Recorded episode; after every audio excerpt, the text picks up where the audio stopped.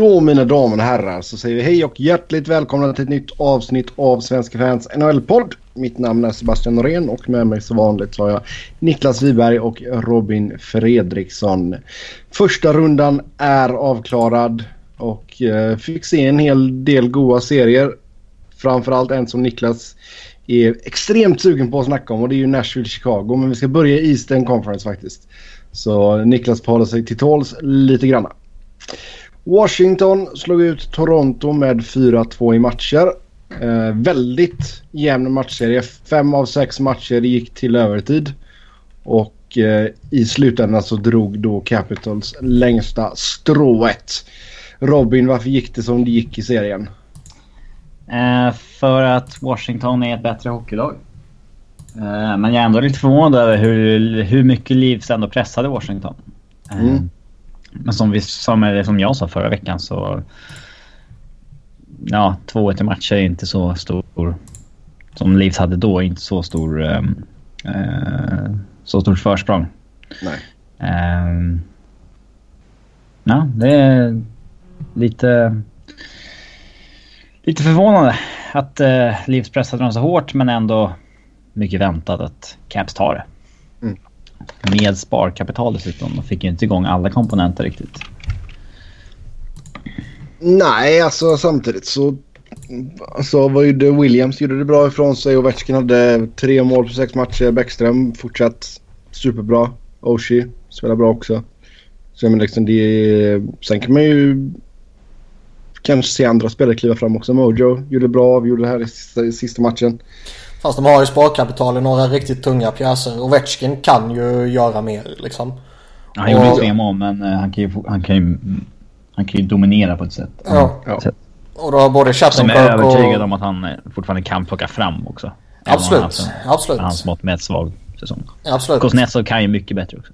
Ja, både Chattenkirk och Kuznetsov kan ju kliva upp ett snäpp eller två. Uh, Matt Niskanen är väl en sån man ska nämna där också. Mm. Ja, överlag tycker jag att det var... Burakovsky, Connolly kan, kanske att vänta. Eller? Mm. Alltså Lars kanske. Eller, inte Eller. Lars Eller Eller. Mm. Ja. Det var så här, Connolly, Burakovsky. Eller? Ja. ja, jag fattar inte det jag ska säga dig. Men jag lyssnar inte så noga när du pratar heller. Oh, zing. Eh, bra. Mm första zingen på, för programmet. Mm. Uh, alltså även, även den enda matchen som inte gick till eh, OT var ju ändå så bara en ettmålsmatch då Washington var med 5-4. Så det var ju verkligen stenhård uh, Det var ju en serie. rolig matchserie. Det var ju roliga ja, matcher. Ja. absolut. Niklas om du tittar lite på Toronto. hur ser du på deras säsong? Alltså det var ju väl ändå så... Man kan ändå så hålla huvudet högt så att säga. Tycker jag i alla fall. ja, Alltså de har väl någonstans gjort lite vad man förväntade sig att de skulle göra känns det som. Att de skulle vara bubble team någonstans där och beroende på hur det gick för kidsen typ. Så skulle de antingen vara på rätt sida slutspelsstrecket eller fel sida slutspelsstrecket. Mm. Och nu har ju alla de tre stora kidsen har gjort fantastiska säsonger. Med Matthews i spetsen tätt följt av Marner och Nylander. Och Eh, har man den trion i slag plus att man får ut eh, bra produktion och bra prestation av eh, liksom övriga stommen. Och det är som jag sagt tidigare, de har en av ligans bästa coacher, om inte den bästa. Och så har de ju faktiskt fått en, en målvakt som är duktig också.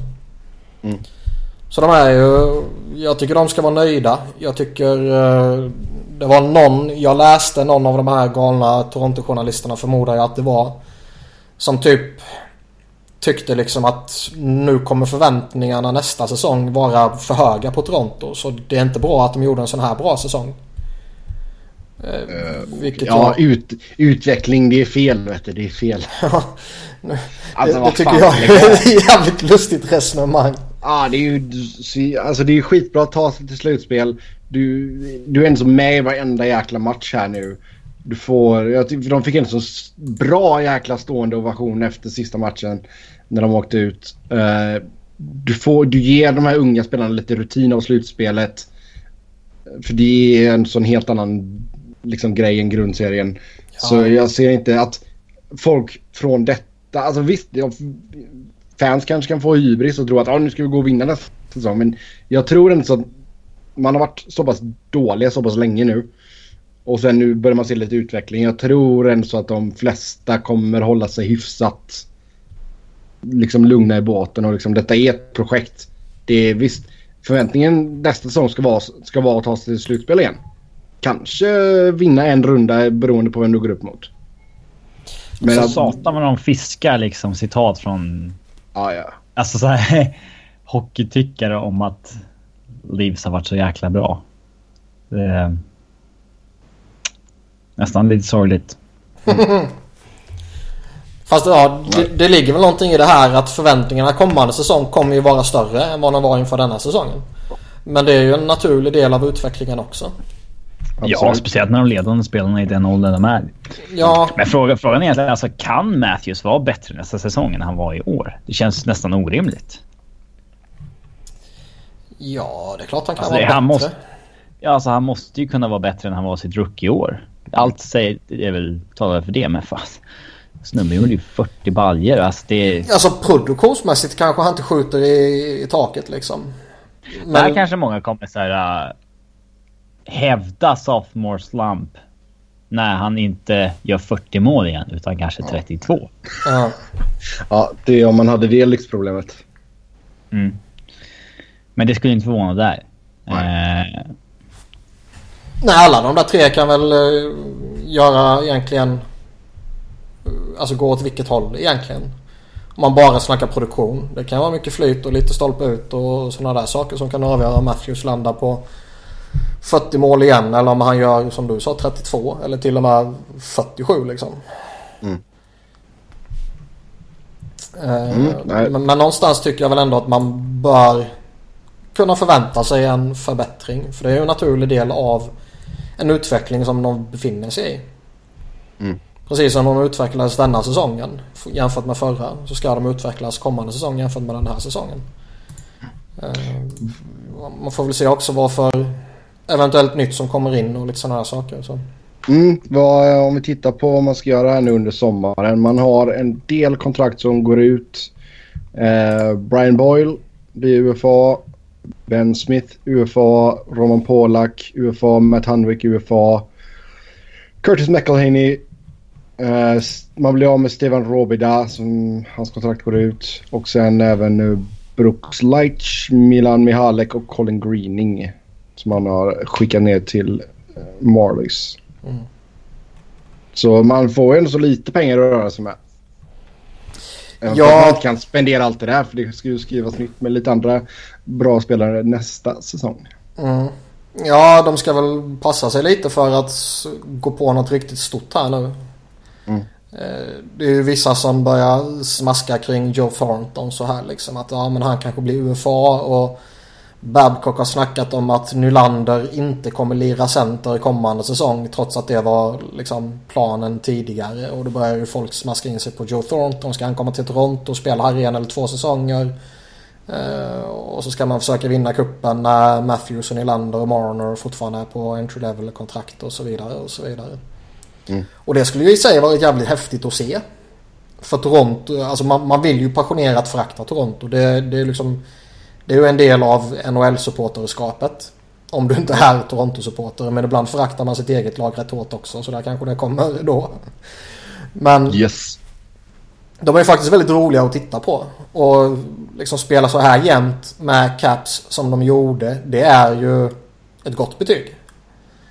Och kan man då spetsa det här laget ytterligare lite och det finns väl argument att göra för att man kanske ska försöka gå jävligt hårt för det så länge Matthews och Nylander och Marner faktiskt har två år kvar på uh, entry level-kontraktet. Nylander har bara ett mm. år i sig. Nylander har ett år mm. kvar. Matthews och Marner två. Alltså visst du hade kunnat plocka in Thornton på ett tvåårskontrakt kanske. Frågan är ju, fast det kommer vi till lite senare också, vilket skick han kommer vara i. Mm. Han har precis opererat knät. Ja. Men det, han kommer vi till lite senare. Men mm. pytsa in någon annan uh, fin UFA där också så verkligen gå för det. det som sagt, jag tycker det finns argument att göra för att man ska göra det. Mm. Främst då mot de eh, entry level kontrakten. Ja, så att man får in något på typ eh, max två år. Ja. Jag tror inte man, men jag tror inte man kan få in typ Radulov för jag tror inte han vill ha mer än två år. Ja, han kommer nog så här långt. Mm. Men det kanske räcker med en sån som Patrick Malone eller något sånt här. Alltså boosta upp laget lite och då så länge man har flera spelare på entry level kontrakt så kan man ju signa dyra kontrakt så länge de är korta. Mm. Uh, ja. Och som du sa, de tappar ju några miljoner här och där så de har att röra sig med så det kan bli lite spännande i Toronto till sommaren. Ja, alltså sen... Ja, vad jag ska säga. Eh, man har egentligen sin chans att vara som bäst när eh, Matthews, Nylander och Marner är på sina sista entry level-kontrakt. Alltså... De är snorbilliga fortfarande sett till vad de producerar. Det är, då man, det är då man har som störst chans att vinna. Egentligen. Ja, alltså om eh, Matthews fortsätter på det här sättet så kommer han ju bli äckligt 10 miljoner direkt. Ja, men typ liksom. Han kommer ju komma upp på många, många miljoner direkt efter sitt entry level-kontrakt där. Och ja, kan man utnyttja de, det sista eller de två sista åren på hans kontrakt för att gå för det. För förmodligen kommer han vara tillräckligt bra för det. Så har man ju något att tjäna på. Mm. Mm. Eh, Nikita Zaitsev tillåts inte spela VM på grund av hjärnskakning men spelar Torontos fyra sista matcher. Det där är ju jävligt lustigt tycker jag. Nu har jag inte på något sätt satt mig in i uh, undersökningar och läst massa detaljer och sådana här saker men är det inte en jävla dubbelmoral? Bara så här spontant. Han är, till, alltså... han är tillräckligt frisk för att spela för oss men han är inte tillräckligt frisk för att spela för någon annan. Mm. Sen var det någon som började spekulera då att ja men det kanske är istället för att han säger att han inte vill åka och spela VM med Ryssland för att han fortfarande inte har ett kontrakt på plats och så vidare så säger han att... Uh, ja, en kan, ursäkt bara. Ja, exakt. Och det kanske ligger något i det. Alltså ryssarna är ju duktiga på att plocka över sina gubbar och kan ju kanske bli arga om de säger nej jag pallar inte eller jag vill inte. Men det var ju det Radlov sa. Det är därför han är inte med. Jo, men det kan ju vara lite skillnad på om du är 25 och precis inne i din prime. Jo, eller om du är... Det är klart. Uh, några år över 30-årsstrecket liksom. Radulov har en lite fuck you, jag vill-aura också. Mm. Absolut. Det har han. det har han verkligen. Mm. Ja. ja. Det är lite konstigt i alla fall. Eh, hur gick det då för våra tips? Vi hade alla fyra efter matcher till Washington så ja, hyfsat bra får man väl säga ändå. En serie där vi hade totalt fel. Det var Montreal, New York Rangers. Rangers vann med 4-2 matcher. Alla tre av oss hade 4-3 till Montreal. Totalt eh, fel. Totalt fel. ja. Eh, Niklas, varför gick det som det gick? Eh, Lundqvist outplayed price. Det var väl lite så. Ja, det tycker jag är mycket så. Eh, Han kan jag... gamla gubben. Ja. Jag är faktiskt jävligt imponerad av honom. Han har ju haft lite ja, problem under grundserien. Och... Underskattad. och han fick ju... Uh, han exponerades ju rätt hårt så tillvida att det var ju inte alltid som spelarna framför honom var fantastiska tycker jag. Mm. Nej, alltså Rangers var ju ett run and gun team i år liksom. Mm. Och jag tycker i, i synnerhet försvaret har ju inte sett bra ut. Utan han har ju räddat dem. Han, det var ju vissa matcher där han var helt jävla makalös. Mm. Så jag skulle, jag skulle ju säga... Ja, det är han som tog dem vidare. Ja, Price var liksom 93 procent. Mm. Men Lundqvist var ett par procent bättre. Lunkis? Det... Sa du det? Nej, Lundqvist såklart. Lunkis. Det lät som du sa Lunkis. Ja, nu. Ja, okej. Okay. Eh, ja. Ja. Rick Nash spelade väldigt bra. Mm, mycket oväntat. Men de har ju några gubbar där framme som kan göra sitt. Alltså Zuccarello kan ju göra sina grejer och eh, Mikael Grabner kommer ju, hur jävla kass han än är så kommer han ju alltid hota med sin speed. Eh, Zibanejad var ju faktiskt bra. Han är lite som han eh, mexaren i Mike Drax-filmen du vet. Han som bara snabb som fan men inte kan stanna. Ja. Har ni inte sett de filmerna då har ni gjort något fel. Luis Mendoza. Just det. Sen har de ju också lite sparkapital. Rangers då i Kreider till exempel. JT Miller bör ha lite mer i sig. Eh, Stefan ska väl göra mer än två poäng också. Så de, de har lite att bygga vidare på bland utespelarna. Men fortsätter Henke att spela som han har gjort så... Det är svårt att kräva att Henke ska spela sådär varje runda. Nej det går inte. Men han är ju faktiskt en av målvakterna som man kan Han tycka att kan göra det. Och det inte är liksom en wow-känsla som det var för typ Pekarinne som vi kommer till sen. Att han Nej, går in och, och gör så, det chockas man ju av. Att Henke går in och gör det här, då rycker man ju på axlarna och säger ja, ja. Mm. Hur ser vi då på Montreals säsong? Hur stort misslyckande är det att åka i första rundan? Tidernas fiasko. Ja, det är det väl inte riktigt. Men, Alltså vad tog, man, vad tog man en poäng mer än Rangers i grundserien? Ja, alltså jag tyckte ju man var bättre än Rangers här ju. Uh, skill- skillnaden var ju Det är ingen målvaktsspelet. skam att åka ut mot Rangers liksom. Nej, inte när Henke, Henke spelar på det rundan? Det är sättet. så här, Det är väl inte egentligen... Det är, väl- inte mer eh, fel än att det skulle skett i en andra runda. Mm. Alltså... Dagens väldigt schema slutspelsformat kan man ju få möta vilket lag som helst i första rundan. Mm. Så att, Ja. eh, Däremot gläds jag ju lite åt att de åker med tanke på vilka rekryteringar de gjorde Ja. inför säsongen och under säsongen. Och det var väldigt mycket... Ja, det var väldigt mycket snack om liksom grit och character och de plockade in Steve Ott och de plockade in Shaw för han ska komma med Chicago eh, modellen liksom. Shea Webber ska lyfta laget och... Dwight King ska bli en slutspelsjoker. Ja, det var sådana där byter en grejer. väldigt skillad depthspelare i Sven André Ghetto. Som typ gör point per game i Avsen. Svenne. Mot eh, eh, Andreas Martinsen som liksom inte ens nästan är en nivå på. Mm. Den brunkar liksom. Han är en vattenbuffel det. Man, man har ju så, jävla så kluven till Montreal. De är så här... Och Bergevin framförallt. Men man vill ju se att de misslyckas när de gör dumma saker.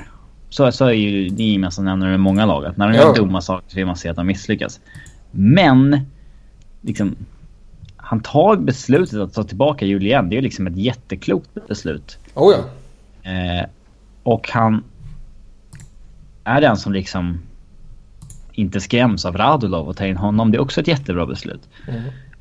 Och på backsidan gjorde de med flera bra depth-rekryteringar. Jordy Ben och eh, Brandon Davidson och Nikita Nesterov. Och så blandar de det med så jävla konstiga andra moves. Alltså det... Ja.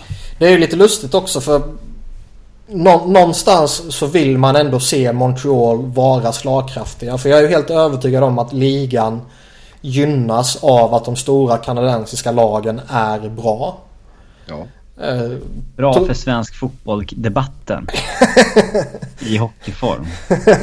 ja, Bra för NHL-hockeyn att Montreal går bra. mm. men det, det tror jag och jag är tämligen övertygad om att du eh, antingen håller med mig eller i alla fall förstår vad jag menar. I alla fall i, ho- i, ho- ja, i hockeyn, ja. Ja.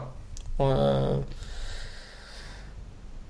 Så på ett sätt vill man ju att de ska lyckas och att de ska gå långt. Och det var som jag slängde ut en tweet om häromdagen. Liksom, de senaste fem slutspelen så har Arizona lika många konferensfinaler som de kanadensiska lagen har tillsammans.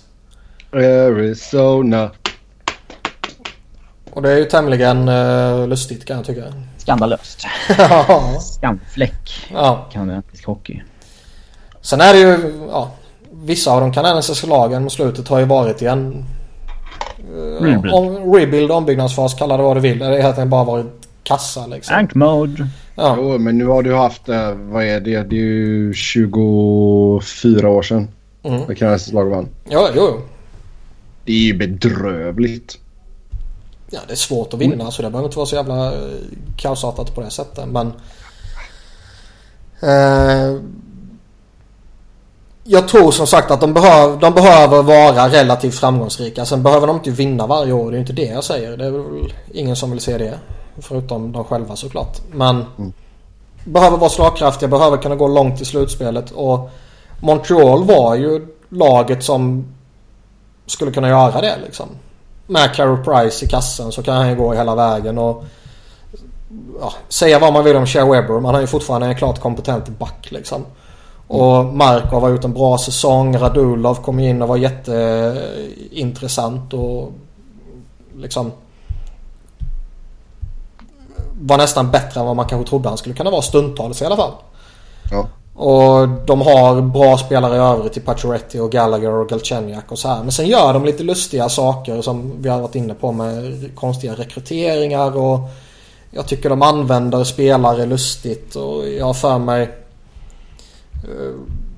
om det var Bergevin eller Julien eller vad det vet jag inte. Men de var ute och snackade om att Galchenyuk måste liksom för att han ska kunna bli en center så måste han utveckla eh, Defensiven. defensiven och spelet utan puck liksom. Men ja, det är svårt att utvecklas som center om du inte lirar center liksom. Mm. Så de gör lite sådana här konstiga saker också och placerar Ja, honom med lustiga spelare till exempel. Så, men, ja. Mm. Om vi tittar då på truppen här. Så Radulov blir penning UFA. Honom kommer man försöka behålla antar jag. Uh, Galchenyuk blir RFA. Dwight King blir UFA. Samma med Brian Flynn och Steve Ott och Andreas Martinsen. På backsidan är det bara Markov som blir UFA och Nathan Beaulieu och Nikita Nesterov blir RFAs. Alltså de borde inse att de var helt snett ute på det med King och Otto Martinsen. Men Ja. man kan väl köpa honom för länge, för länge ett eller två år med Dwight King liksom. Det kan man väl köpa. Eller Eh. så kommer de resonera så att vi behöver ännu mer character. Herregud. Nej, så går vi Nej, så gör de inte. Jag hoppas det för det vore Eh. skoj. Ja, alltså... eh, de gör ju inte fel om de försöker behålla Nikita Nesterov. Eh, Nathan Beaulieu har ju ändå ett värde så att han behöver man ju försöka behålla också.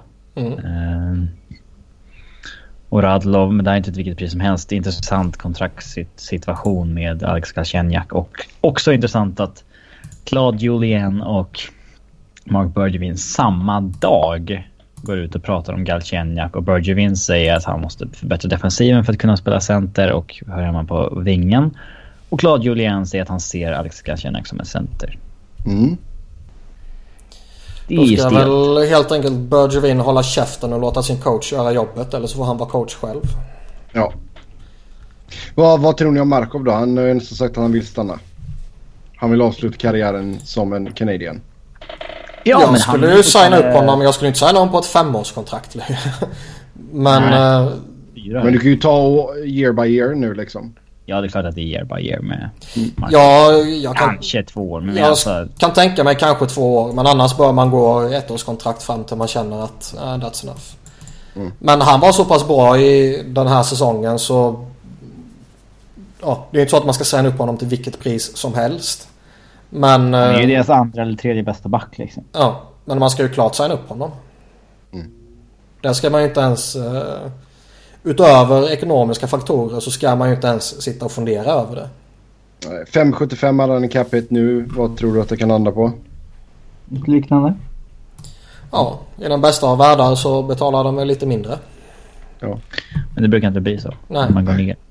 Nej. Sen kan vi ju säga att Artur Lehtonen hade jättebra rookie-säsong också. Ja, speciellt det- efter Julien kom in. Var on fire. i honom. Mycket spännande ung spelare. Uh, Carey Price har ett år kvar på sitt kontrakt. 6,5 miljoner i cap hit. Han lär bli dyr. Han säger att han vill stanna i Montreal. Jag tippar på 10 miljoner blankt på åtta år. Ja. Någonstans är ju Henke Lundqvist-kontraktet eh, vad man utgår ifrån. Och han bör väl landa eh, lite över det till och med kanske. Ja. Kan jag tycka. Jag skulle inte bli förvånad någonting. Sen är väl det här ett sånt läge. Jag säger alltid, man kan under inga som helst omständigheter gå in med en sån här spelare som pending UFA. I säsongen alltså. Det har jag sagt varenda jävla gång. Men antingen signar man upp honom eller så tradar man honom. Och det, jag är ju helt övertygad om att man kommer signa upp honom. Ja. Men med det sagt så vissa har en sån extrem panik till att göra det så fort eh, man tillåts göra det den första juli liksom. Sån jävla panik behöver det inte vara. Det räcker ju gott och väl att det blir klart i augusti eller något sådär liksom. Mm. Bara man inte går in innan, i liksom campen innan, med det över. Ja exakt, så länge det är gjort innan camp. Ja. Sen kan man väl också tycka att det ska gärna vara klart några veckor innan campen så man sitter eller slipper ha det där hängande över sig in i campen. Liksom, så att det blir klart två dagar innan campen börjar. Det, det tror jag kan mm. vara onödigt. Men däremot sådana här saker, fan det behöver man inte säkra upp första juli när det är ett år kvar. Liksom. Gör det under sommaren och fokusera på andra saker där tidigt. Jo, men jag, men, jag, jag, jag kan inte se ett scenario där de tradar honom. Nej, nej, nej. Även, även, även om du liksom signar upp honom på ett åttaårskontrakt på 10 miljoner så de flesta fattar ju att ja, mot slutet där så kommer han kanske inte vara så jävla het men de har ju signalerat rätt jävla tydligt att de kommer gå för det hårt de kommande åren. Det gjorde de med Share Weber-traden till exempel. Då måste de fortsätta med det. Med Price då också. Och kanske sen upp Radulov då. Ja. Men hade du väntat med Radulov tills efter Price var klar?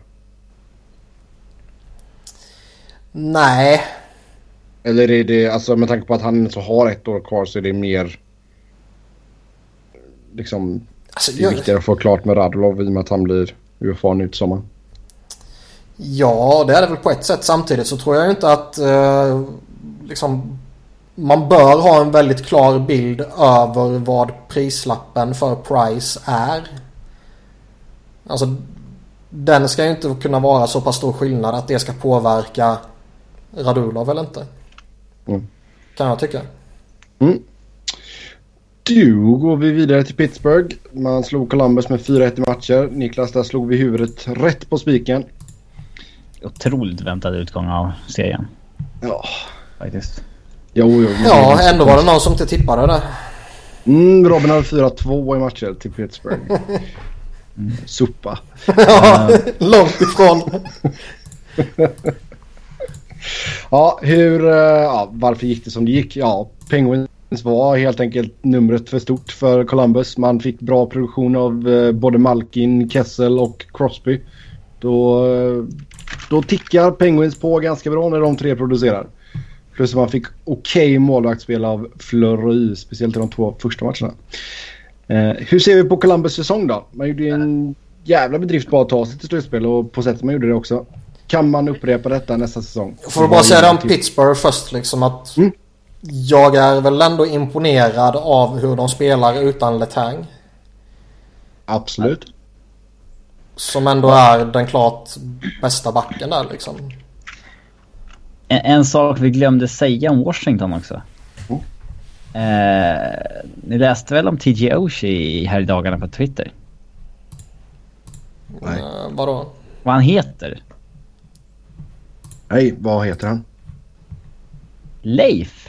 Han heter Timothy Leif Oshie. Alltså Leif, som svenska Leif.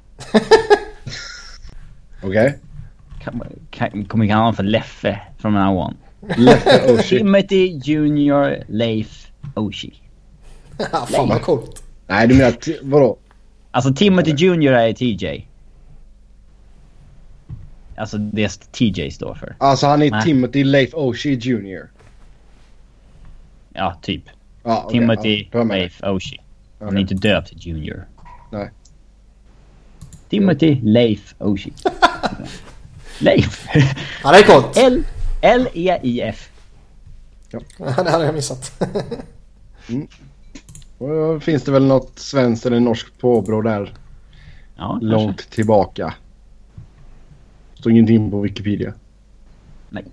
Nej. Eller han är från... Eh, Ja, inte från svenska regioner direkt. Snarare väldigt... Men han är också uh, sån här native. Ja, alltså American native. Ja.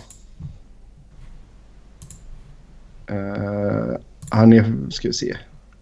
Anishabe Nation. Ja. Ja, ja, skitsamma. Ja. uh, mm, så Pittsburgh Columbus 4-1. Uh, Columbus har ändå så gjort en jävligt bra säsong. Det får vi inte så ge dem. Ja, de har ju överträffat alltså- alla förväntningar.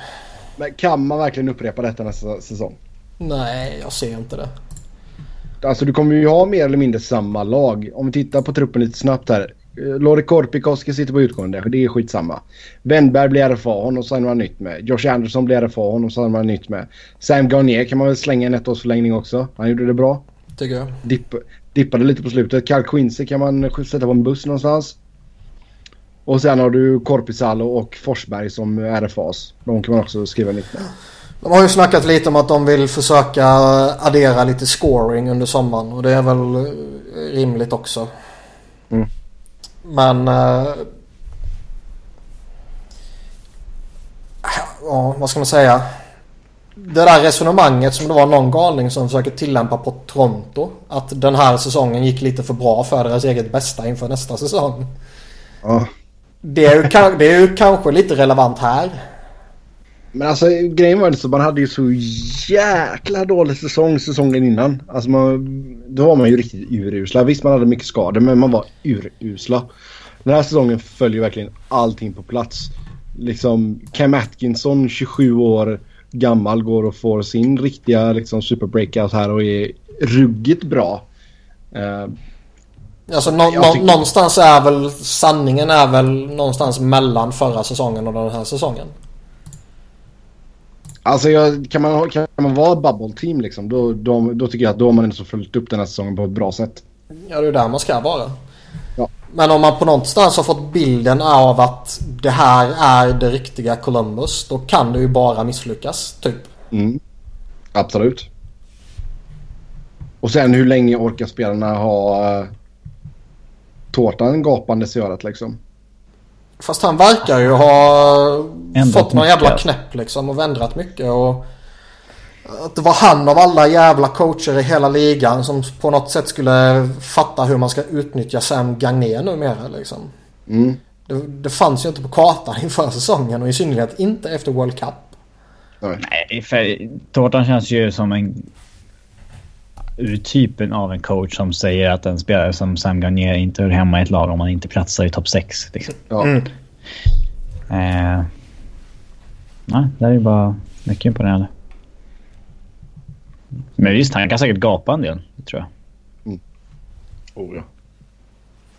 Klassiska hårtorken. Man har ändå så ett gäng spännande spelare. Nu ska vi inte stirra oss allt för, med för svenska ögon men jag menar Wennberg har ju fått sitt breakout här nu. Han gjorde det ju skitbra. Wild Bill. Ganska bra säsong också. Gabriel Karlsson kom in på slutet här och spelade helt okej också.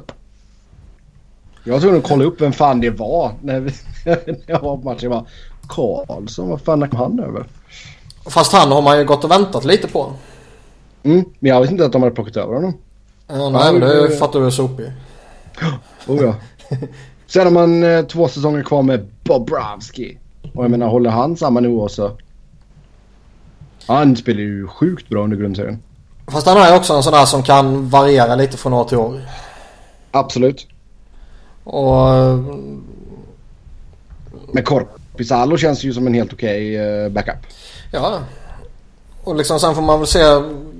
Kommer Varensky fortsätta spela så fantastiskt som han gjort? Eller får man den här sophomore-slampen? Och hur tacklar man i så fall det? Och eh, de här lite äldre anfallarna. Hur kommer de? Alltså det kan ju anpassas. eh, Eller inte anpassas, vad säger man? Försämras. Från säsong till säsong när du är där uppe kring 30-strecket. Ja, fast du har ju egentligen bara... Då har har du Binsky som är 30, du har Scott Hartner som är 35. Ja, och sen är har den- du Korpikoski som är 30 men han sitter på utgående. Och det är den näst dyraste och den fjärde dyraste forwarden. Ja, Och Hartnell har man ju redan denna säsongen sett lite eh, tydliga tecken på. Absolut. Mm. Sonny Milano är ju ganska spännande också. Mm, ja, helt rätt. Det är också en sån här spelare man gått och väntat lite på. Mm. Att liksom, fan borde inte han breaka snart? Mm. Nej, men kan man, kan man uh, hålla förväntningarna hyfsat normala så ligger man uh, bubble team då, då är det bra helt enkelt. Ottawa slog ut Boston med 4-2. Världens bästa Karlsson. Sjukt bra ändå för Ottawa trots att han är skadad och spelar på sprutor. Det är karaktär. Kan vi få lite det köttet nu eller? ja. Nu... Vad, ska det vara? Det är, vad är det en hairline fracture i foten han har? Mm, två till och med tror jag det var. Ja, Stressfraktur på svenska. Ja, det gör ont. Uh, nej men han har ju varit skitbra givetvis. Han är i Ottawa. Är han bra så är Ottawa bra. Och Mm. liksom... Är han, sta- är han statyvärdig nästan? Jag vet att han fortfarande kommer spela många år till men när han väl lägger av, är det statydags då? Nej. Svårt, svårt att säga vad han kommer vara om tio år. Alltså, han är... Jag menar, han kanske har lett Ottawa till tre Stanley Cups då. Liksom. Det är klart att det är statyläge. Men, eh, Ja. men han kanske... Han kan, hans, nu tror inte jag det alls blir så, men hans karriär kanske får en Mike Green-utveckling. Liksom. Ja, det tror jag inte kommer hända. Men... Inte jag heller. Fast det känns ju lite som att när han... Vi- Vissa spelare har ju det här ryktet att typ när han väl bestämmer sig för det, då gör han det. Eh, liksom när han bestämmer sig för att hans lag ska vinna den här matchen så kunde... ja, Gretzky kunde bestämma sig och så vann han matchen och Lemieux kunde göra det och lite senare kunde Sakic och Eisenman göra det när de var som allra bästa typ liksom. Och. Crosby och Malkin och sådär liksom. Och det, det är någonstans någon jävligt luddig beskrivning av en spelare för liksom varför skulle han inte kunna göra så hela tiden då för? Men ska man någonstans tillämpa den så är det typ på Erik Karlsson. Han gjorde ju några sjuka jävla grejer. Några framspelningar där han gör lite som han vill typ. Och han gör sk- liksom skador. lyfter, lyfter sig när det står på spel liksom. Det är ju en bra, jävla bra egenskap att ha. Sex assist har det blivit här i första rundan. Inget mål än så länge men fortfarande varit en jäkligt avgörande spelare för Senators. Uh, Bobby Ryan har ju fått ett jäkla bra start här på slutspelet. Det är ju Han hörde att vi chockerande. klagar på honom. det är ju chockerande. Den, det finns ju rätt många spelare som man skulle kunna peka ut i Ottawa att... eh, Ja, men Mark Stone han kan pytsa rätt bra. Eller Mike Hoffman han kan göra många mål. Erik Karlsson kan få ett sånt jävla ryck där han gör liksom fyra mål på en sex matchers serie. Och Kyle Towers kan göra det. Och Derek Brassard. Och helt bara kommer Bobby Ryan som alla typ har Skrivit av. ja, skrivit av och sådär. Och visst, sex matcher är i det stora hela ingenting. Det är nästan så Chris Neal med lite flyt skulle kunna göra fyra mål på sex matcher. Men det är, man måste ändå beundra det på något sätt. Det är någon kille Ja. som har gjort över 200 mål i NHL. Men, eh, men Jo ändå. men just sättet han liksom tapp, vad gjorde han under grundserien? 13-14 baljor. 13. Ja. Så även här var det en jämn matchserie. Eh, samtliga matcher avgjordes med ett mål, fyra av dem i övertid. Man ska väl säga det också att ä- även om man imponeras av Ottawa här och i synnerhet vissa spelare i Ottawa så var ju Boston var ju ett halvt AHL-lag liksom. Mm. De hade skadeproblem så det bara sjöng om det i försvaret. Flera tunga, eller flera men en del tunga där borta. Och David Krejci var skadad till exempel. Och eh, ja, man kan ju inte hänga dem för att de torskar i första rundan här. Nej. Man kan, man kan väl till och med tycka att Boston tog ett steg i rätt riktning denna säsongen efter att ha missat slutspel tidigare och ta sig in i slutspelet. Och under de här förutsättningarna kommer fram till en hedersam förlust om man säger så. Mm. Hur bygger man vidare på detta om vi tittar på truppen här då? Drew Stafford UFA, Dominic Moore UFA, John Michael Lyles UFA. Eh, skulle ni behålla någon av dem? Alltså med tanke på hur jävla få vettiga försvarare de har så eh, skulle jag inte vara helt emot att låta John Michael Lyles köra ett år till. Mm. Eh, men samtidigt så har de många andra under kontrakt. Tyvärr. I Mm. många fall. Eh, så där skulle de ju behöva öppna upp en plats åt någon UFA-back kanske. Ja. Så att... Mm. Mm. Så Sen har behöver ju kanske hålla något öppet för vad som kan tänkas komma underifrån också. Yes. sen på forwardsidan så har du också Ryan Spooner RFA, David Pasternak RFA, Noel Atsiari och Tim Schaller. Eller Scholar. Um, Pasternak är ju självklart den mest intressanta här. Ehm, vad ska han få för kontrakt kan ni tycka? Han har ju lite i skymundan gjort en jävla supersäsong. Ja, han är yngre än man tror också. Så Ja. 20 bast. 70 poäng på 75 matcher. Det är ju svinbra i dagens NHL. Ja, men han kan ju signa 7 gånger 7 liksom. Mm. Baserat på det. Ja, helt klart. Nå- någonstans känns det väl som att det blir... Och 6 det är som miljoner. 20-åring liksom. Ja, men 6 miljoner plus minus någonting kan jag tänka mig han kommer landa på på 5 eller 6 år. Mm. Nej, väldigt spännande spelare. Och som du sa där Robin, fortfarande bara 20 bast. Mm. Man har ett år kvar med Chara. Är det tack och hej sen eller? Ja, han blir ju billigare kommande säsong också i och med att han är uppe på 40 bast nu. Så sjunker Ja. ju hans cap hit. Med 2,9 miljoner också. Det är ganska bra pengar då. Fyra för kära tror jag många, många NHL skulle vilja Mm. köra på. Det sjunker ju till eh, den faktiska lönen. Mm. Så det är ju 4 miljoner han har då. Så det var... Han kostar mot capen också. Mm. Eh, kort det, det kan jag tänka mig. Han är väl en 4 miljoners back som Robin sa. Han är ju inte en 7 miljoners back längre. Nej, absolut inte. Eh, kort ord om Charlie McAvoy. Mycket imponerande. Ja, kan ni, alltså är det en framtida storback detta som vi fick se? Storback det är ju väldigt... Det beror på hur du definierar väldigt, storback. En framtida topp 4-back i NHL? Ja. Utöver det vi får se. Yes. Eh, ja. Annars är det inte så jättemycket mer om Boston. Men ja, ett litet steg i rätt riktning kan vi väl ändå så säga. Intressant sommar för dem. Coach och, och så vidare. Vad händer där? Ja, exakt. Don Sweeney. Vad hittar han på? Mm. Vi kan inte vänta. Över till Western Conference och eh, Nashville som slog ut Chicago med 4-0 i matcher. Hörni! Lyssna! Champagne! Fan, slår jag korken här igen? Herregud. Ja. Eh. Eh, jag vet inte ens hur man ska följa upp en sån grej faktiskt. Jag ska vara helt ärlig. Men ja, 4-0 i matcher till Nashville. Eh, storspel av Pekarinne. Han går in och nollar Chicago i de två första matcherna. Fatta Ja, att nästan. hans räddningsprocent i 5 mot 5 är 99 procent. Det är ju galet. Ja. Det är helt sjukt. Man plockar match 1 1-0, match 2 5-0, sen eh, match 3 3-2 i övertid och sen drog man hem det hela med 4-1 i match 4. Så eh, kudos till värt Nashville. att fira med en Mm. flaska Dompa. Nej, Dompa är det inte. Jag ska... Så 1 och trucka- 4 betalar jag inte tru- med. Han bara en tru- flaska. Trucadero som du sprätte upp.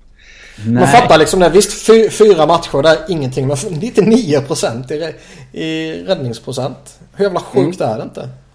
Ja, jo, alltså han har verkligen studsat tillbaka. Det kan man ju lugnt ge honom.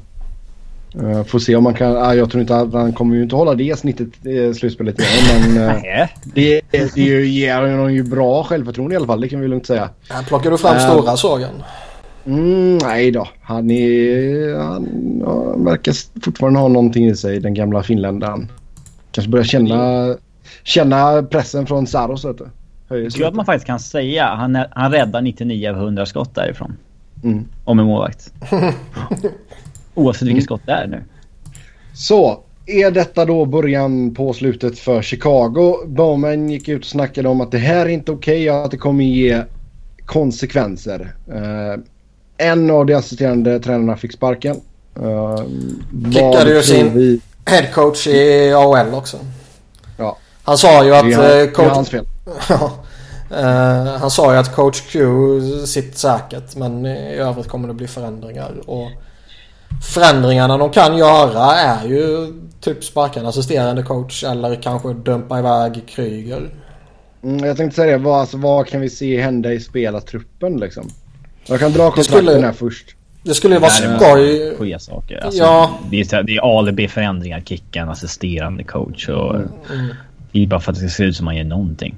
Ja. Du har Jurko, Panik på, och Rasmus, Rasmussen som RFAs på forwardsidan. Eh, Kempney på backsidan. Sen har du tre UFAs. Eh, Desjardins, Odoja, Campbell och sen ja, Scott Darling också. Darling mm. kanske man kan uh, tappa nu om han är ja, den här alltså... nästa snubben som ska prova på att vara första målvakt någon annanstans. Lite som ja, Cam, Cam Talbot eller Martin ja. Jones har gjort. Ja. Han ska upp i lön rätt rejält. Ja. Alltså mm. från kanske fyrdubbla sin lön upp till två mil eller någonting. Ja. Och det, det har inte Hawks roll när jag har på en andra målvakt. Nej. Eh, inte en chans. De släpper väl, eller de bör väl släppa båda UFA-backarna känns det som. Odoja Campbell. Mm. Och, då, och Odoja... till samma peng så... Ja, jo, ja, absolut. Men Odoja Han har ju sagt att det är, är eller går i pension. Så att... ja. Odoja är ju kass. Det borde de ju fattat innan de tog in honom liksom. Absolut. Ja. Satsa på Forsling och Erik Gustafsson och mm. Kemp. Mm. Vad har du där nere också? Ville Pocka? Han, ja, han verkar ju inte vara någonting. Alltså, annars hade han fått chansen för länge sedan. Mm. Jag menar, han har inte fått... Jag menar, det kändes ju som han var på gång upp där redan i, uh, uh, i Islanders. Han har fortfarande inte fått en enda, en enda NHL-match. Alltså det känns inte som uh, att det blir någonting där.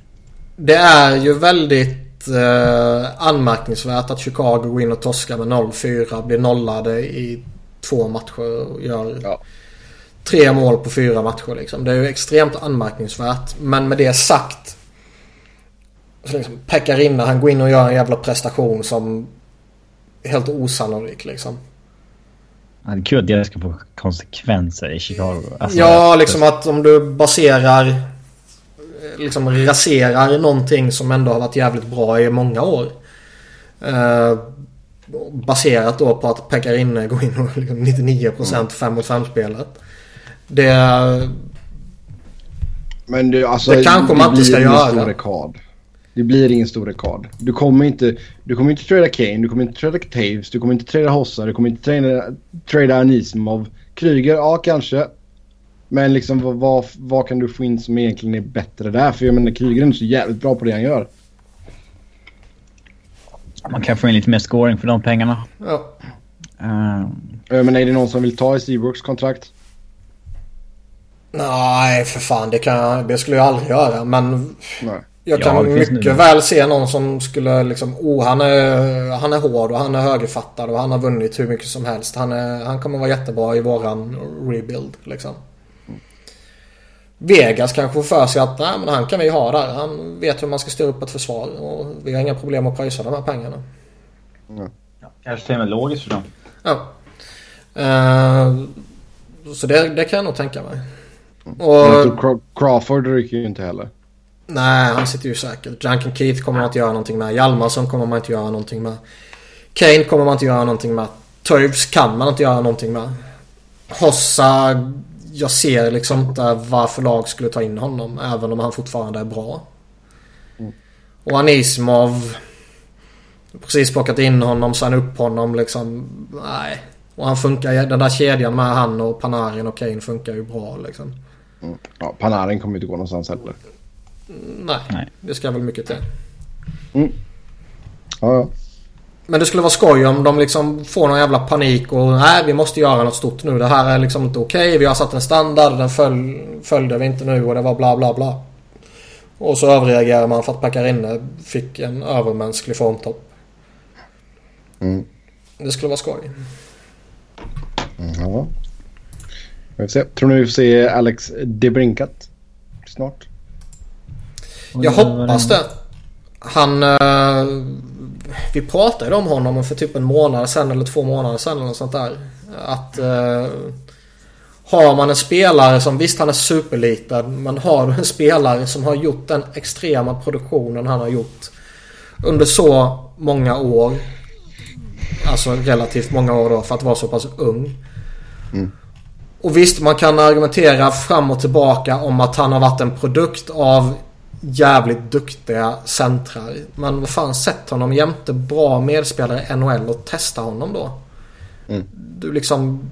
Du kan inte beröva dig själv den chansen. Då ska du fan få sparken om du inte testar honom. Ja. Ja, ja alltså vi rantar en del om Jonathan Taves men det är också en bra center att sätta honom bredvid liksom. Ja. Det, ja, det är klart han är en bra center. Sen är han inte så bra som många vill få honom till. Nej. Mm. Ja, vi har fått in en lyssnarfråga här också. Hur ser ni på Blackhawks hantering av förlusten mot Preds? Uh, Quenville vägrade tacka Nashville-spelarna utan nöjde sig med Laviolette och coacherna. Patrick Kane vill inte se Preds vinna Stanley Cup på det viset. Det stängde ner matcherna med trap hockey. Samtidigt hyllade Taves Nashville och han menar att det var relentless. Det här att coacherna inte tackar spelarna det känner jag är en icke-fråga liksom. Det räcker gott och väl att de ja, tackar varandra och sen kan de gå ut och göra vad fan de vill liksom. Ja. Jo, men sen att Kane gnäller det förstår jag också liksom. Ja, men vissa Varför är bittra efter en förlust och vissa ja, men alltså, det, han, känns han, inte, han känns ju lite gnällig. Ja, det är jävla sving ju. Mm. Så det förvånar mig inte. Det är väl inget fel att liksom... Det är väl inget fel i att liksom nej, låt önska att de som slutar inte ska vinna. Nej, nej, nej. Men liksom har det varit så jävla kass och, och någonstans försöker typ lägga över skulden på motståndarna. Ja, det är ju fel. Det tycker jag är lite lustigt. Mm. Sen är det kul om man är stor i förlusten som Taves också. Men eh, det är väl inget fel med att vissa går ut och är bittra som liksom Kane var. Ja, nej, nej. Mm. Så eh, Robin, du hade i alla fall Nashville vidare. Ja. Du, Uh, vi kan säga att alla vi tre hade fel på Ottawa-Boston då vi alla trodde Boston. Uh, Anaheim, Calgary. Det blev eh, sweep där också. 4-0 matcher till Ducks. Uh, ja, varför gick det som det gick i den här Robin? Ja, det var också ganska logiskt. Eh, eh här trodde väl ingen att Flame skulle kunna pressa Anaheim särskilt, särskilt mycket. Mycket bättre lag helt enkelt. Uh, ja, ska man säga?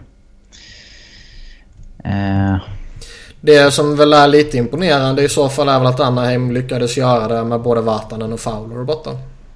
Mm. Mm. För plocka bort, alltså oavsett vilken backbesättning du har. Och plocka bort två av dina bättre backar så kommer den ju utarmas givetvis. Det, det är ju liksom... Det säger sig självt. Ja. Men när det då liksom är Corbinian Holzer som går in istället. Och man ändå lyckas ta och svepa en matchserie. Det är ju faktiskt väldigt bra. Mm. Och du har liksom... Absolut. Kevin Bjäxa snittar liksom nästan 20 minuter. Brandon Montour snickar nästan 20 minuter. Och Corbinian Holzer ligger nästan på en kvart liksom i snitt. Mm. Och det går ändå Shane in och... Theodore gick ju in och visade framfötterna där också.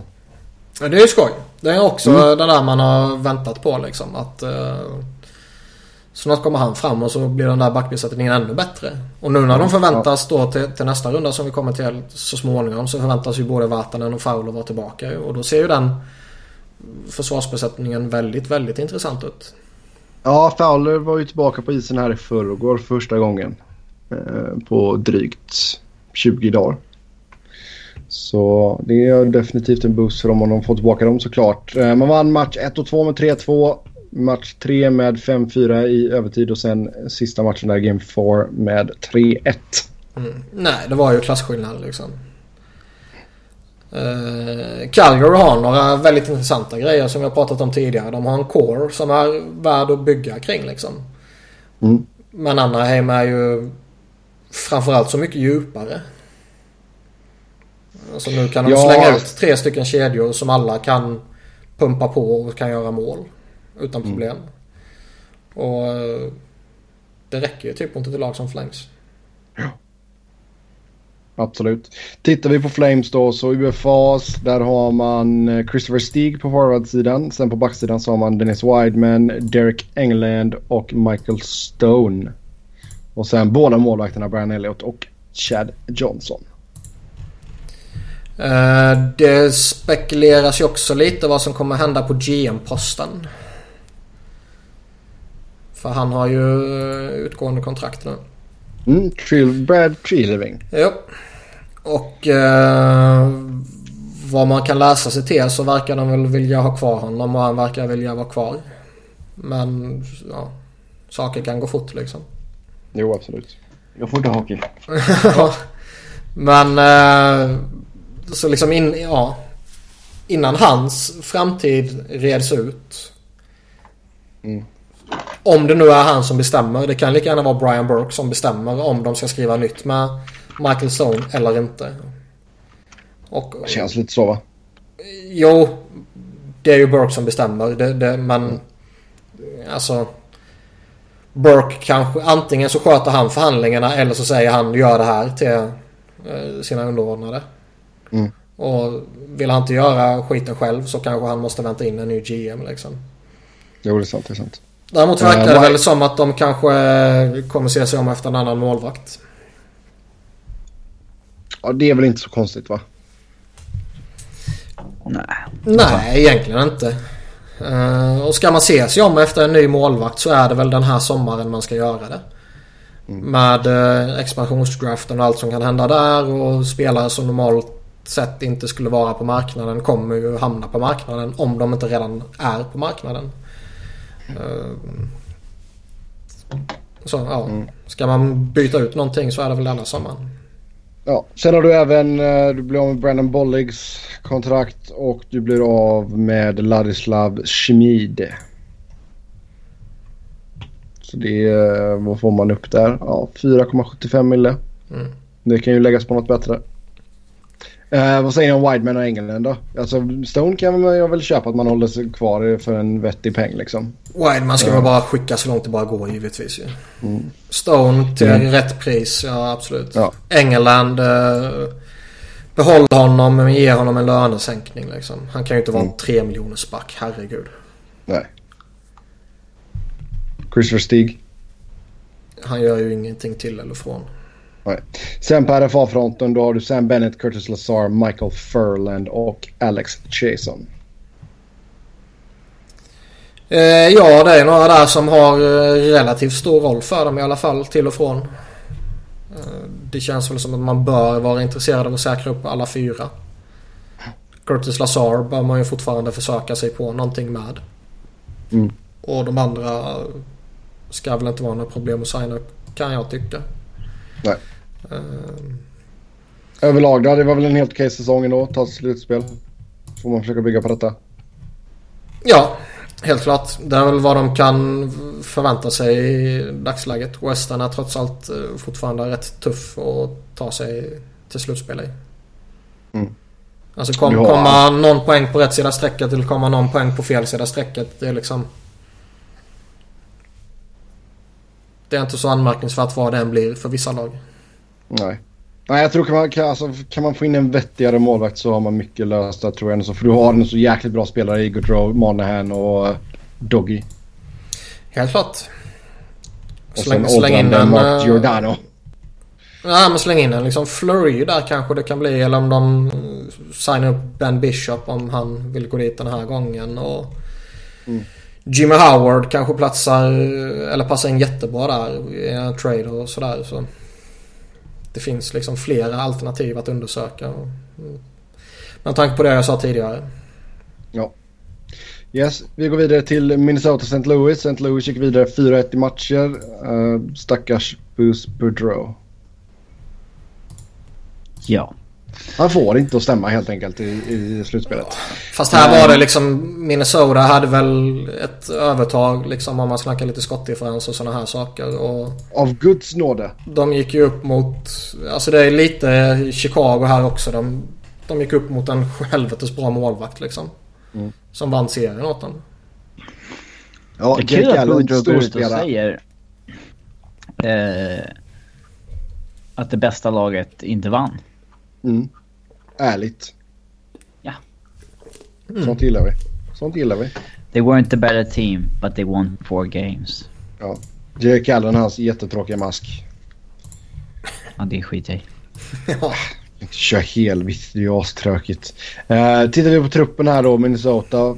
Eh, du har Mikael Granlund som blir RFA. Hur mycket mer ska han ha betalt? Kommer han så från sin bästa säsong? Ja, han är nog glad att han äntligen breakade. Som av en slump gjorde han när han skrev nytt kontrakt också. Mm. Så det är väl inte, det skulle väl inte vara något lustigt om han fördubblar de tre miljonerna. Nej. Sen har du Nino Niederreiter, Niederreiter också RFA. Han ligger på 2,66 just nu. Ska väl också ha lite mer kan jag tycka. Ja. Eh, man plockar in Martin Hansal från Arizona. Han blir UFA nu. Tror ni att man försöker behålla honom eller är det tack och hej? Jag tror att han kommer vilja ha lite för mycket. Ja, han vill ha betalt nu va? både, ja, både lite för långt så att säga och lite för eh, högt. Han är 30 nu. Fyller han 31 i sommar till och med kanske? Nej, han fyller 31 i februari nästa år. Men eh, det är väl en sån där snubbe som jag kan tänka mig att även om man betalar ett högt pris för honom så eh, bör man kanske släppa honom. Ryan White också UFA. Det är skitsamma. Uh, Jag- jag Erik Haula RFA. Tillsammans med Jordan Schroeder. Jag tycker Schroeder. liksom, ja, jag tycker ändå att har man en sån som Joel Eriksson Ek som ändå har tagit jättekliv denna säsongen. Mm. Så är det väl kanske läge att slussa in han lite högre upp i hierarkin. Ja, du behöver inte Hansal helt enkelt. Och fasa ut Hansal och ge chansen till Eriksson Ek. Och känner man inför trade deadline att nej, vi behöver en center till. Då får man väl gå efter det i så fall. Ja. Erik Haula, lite smyggammal. 26, 26 år. Mm. Och fortfarande en spelare som jag tycker gör det bra lite längre ner i hierarkin. Ja. Och eh, han bör väl kunna få en liten löneökning också tycker jag. På backsidan sitter vi Christian Folin som RFA och sen Victor Bartley och Nate Prosser som UFAs. De gör ju inte till eller från liksom. Nej. Skitsamma, backar allihop. Ja. Och sen eh, Darcy Kemper, en av den enda målvakten som sitter på utgående, han blir UFA. Och där känns det ju som att man har det bra med Dubnik och Stelok. Ja, eller så plockar man upp någon annan gubbe från Free Agency som backup bara. Ja. Men hur långt är då deras contender-fönster? Mikko Koivu har ett år kvar på 6,75. Du har Parisi och Sutter, de är båda 32 nu. Ryan till, eh, världens ände, men det är någon sak. Ryan Suter tyckte jag ju... Det såg ut som det var något fel på honom liksom. Han, han var inte lika bra som han brukar vara. Så han, han med måste... Typ bruten rygg eller någonting. han måste ha haft något sånt skit för sig. Eh, Zach Parise så har man väl kunnat se tendenser till att han börjar steppa av helt enkelt. Däremot så tror jag väl att deras cupfönster bör väl vara öppet någon eller två säsonger till liksom. Ja. Någonstans eh, hänger det kanske ihop med Parises kommande säsonger och Mikko Koivus kommande säsonger. Och om Eric Stahl som faktiskt gjorde en bra säsong här nu kan fortsätta göra det de två kommande säsongerna också. Ja. Så de är ju lite veterantunga så, så sett. Jo, Fram- speciellt, alltså, speciellt när du har Parisi och Sutter på sådana långa kontrakt också. De där Eh, kontrakten. Satan. Ja. För du har en sån, jag tycker man har en, bra, en hel del bra spelare i rätt ålder liksom. Så absolut två år minst. Sen får man ju se hur man hanterar då, som du säger, Parisi också. Som har, hans kropp har tagit jävligt mycket stryk genom åren också. Jag tror att Ryan Suder kan vara en sån här back som kommer att åldras väldigt värdigt. Sen kanske han inte han kan gå in och lira typ 35 minuter i varenda slutspelsmatch men Nej, nej, men jag, eh, liksom, han, han är bara 32 om man säger så. Jag kan ju se honom hålla väldigt god nivå i väldigt många år till. Mm. Medan Paris eh, som sagt redan börjar steppa av. ja. Mm. Sen har du ju Pommenville har du två år kvar med också. Ja, Och han, 5,6. han skulle man nog gärna vilja bli av med. Ja. Tror du att man kan hitta någon som kan ta det kontraktet? Det är så jävla lustigt för man vet ju aldrig vad Vegas får för sig nu. Och om spelare vill gå dit eller inte vill gå dit och... eh, ja, nej. Men det är väl en sån där spelare som de bör kunna eh, undersöka att bli av med. Ja, det är sant. Vad har man på uppgång nerifrån då? Nej, men Eriksson Ek som sagt som jag sa tidigare. Han bör man ju verkligen se till att han hamnar i en gynnsam miljö. Mm. Bra, bra, gold- bra kedja alltså. Golden Goose. Man har väl han eh, ryssen, vad heter han? Sokolov. Nej, Kaprizov. Kaprizov, just det. Mm. Eh, Jag vet inte vad det sagt när han vill komma över, om han vill komma över. Ja. Luke Kunin är väl lite för tidigt för också men där har de ju vad jag tycker är relativt spännande också. De har ju Alex Tush som jag kommer ihåg jag var rätt eh, het på i 2014 den draften där som man väl fortfarande väntar på liksom. Tush, tush. Ja. Mm. Eh, så de har ju lite vettiga grejer på uppgång helt klart. Ja, vi får se vad som händer och fötter där helt enkelt. Edmonton skickade ut San Jose med 4-2 i matcher. Och eh, Robin, varför gick det som det gick?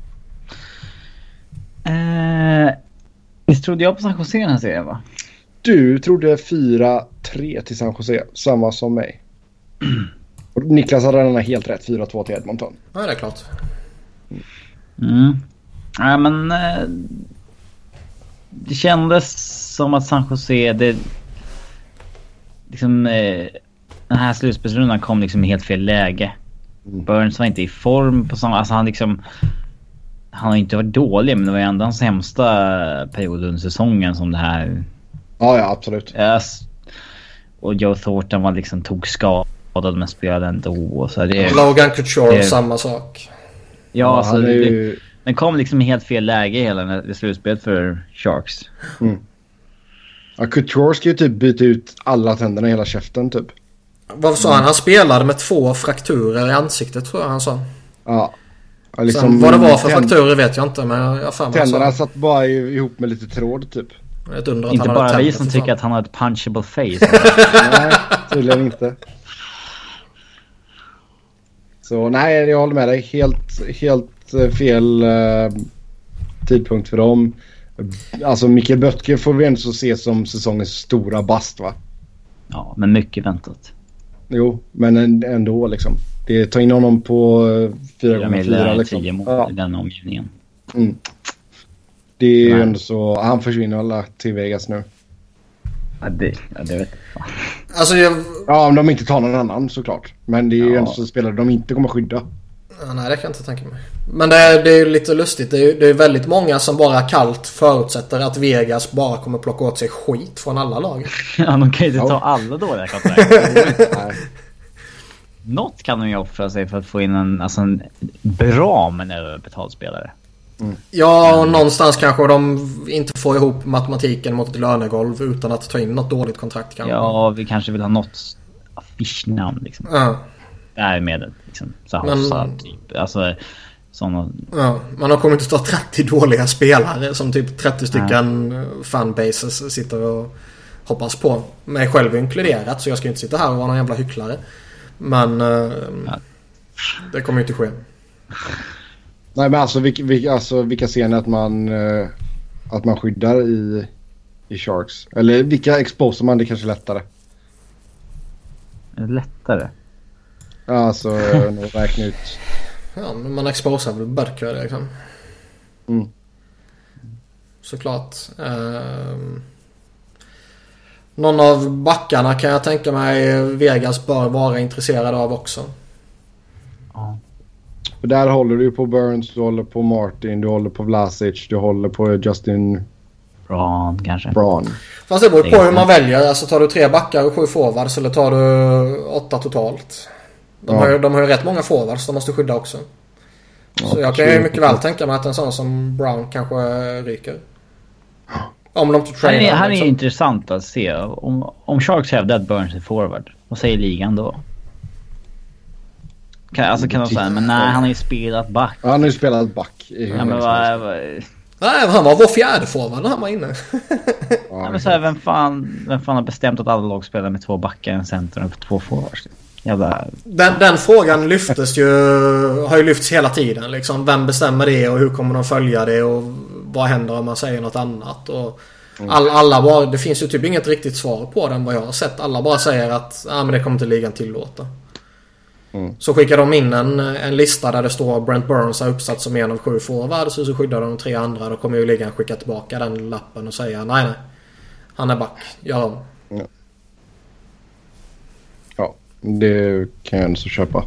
Nej men alltså vad finns det mer för spelare som man kanske skulle kunna... Melke Karlsson. Ja. The Milkman to Vegas. Den hade de gillat. Vad ska de ha han till? Ja, varför blir det snack om Michael Karlsson i varje jävla podcast? Underskattad spelare. Vi måste ge honom lite hype. Du, Nej, alltså- har, du, har, du har ju fått mig till att avsky honom. Förlåt. Men vi kan ju få in en vettig back i typ David Schlemko ändå. Ja, För absolut. inte jättepengar. Nej, och Dylan tror jag också kan vara nyttig för Vegas liksom. Mm. Oavsett vem av de där tre, hur de nu löser det. Tror jag kommer vara en bra back för Vegas. Och det är ju ett bättre val än att plocka böcker. Ja. Ja. Ja. Om man inte vill Titt- sälja in sig i Danmark.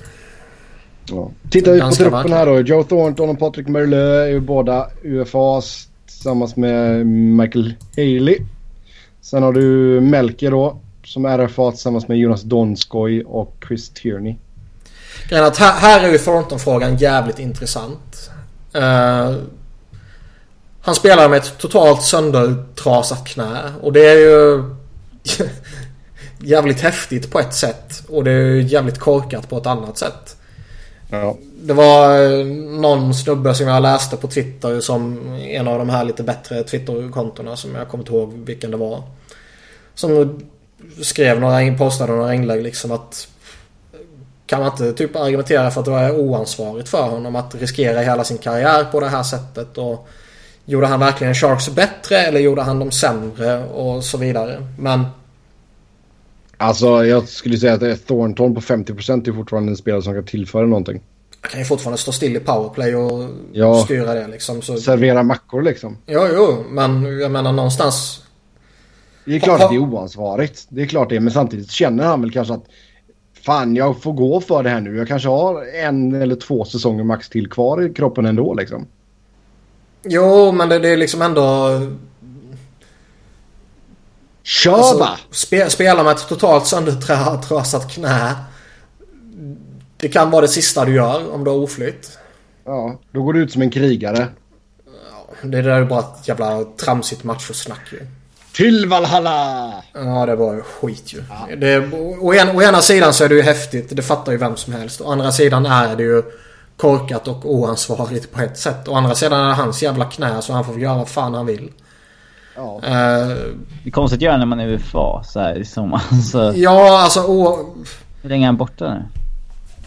ja, jag har inte läst någonting men så att han har trasat sönder fullkomligt så kommer han ju vara borta många, många månader. Och eh, liksom kommer Sharks våga signa upp honom om tre veckor liksom? Eh, Och är det någon jävel som kommer liksom...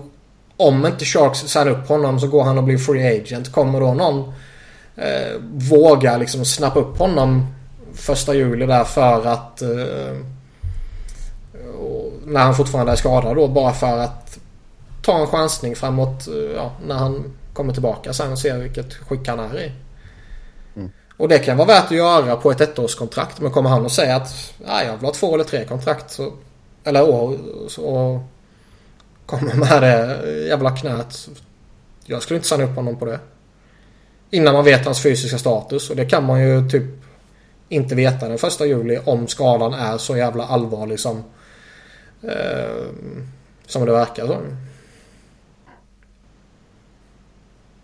Så det är en lustig situation liksom.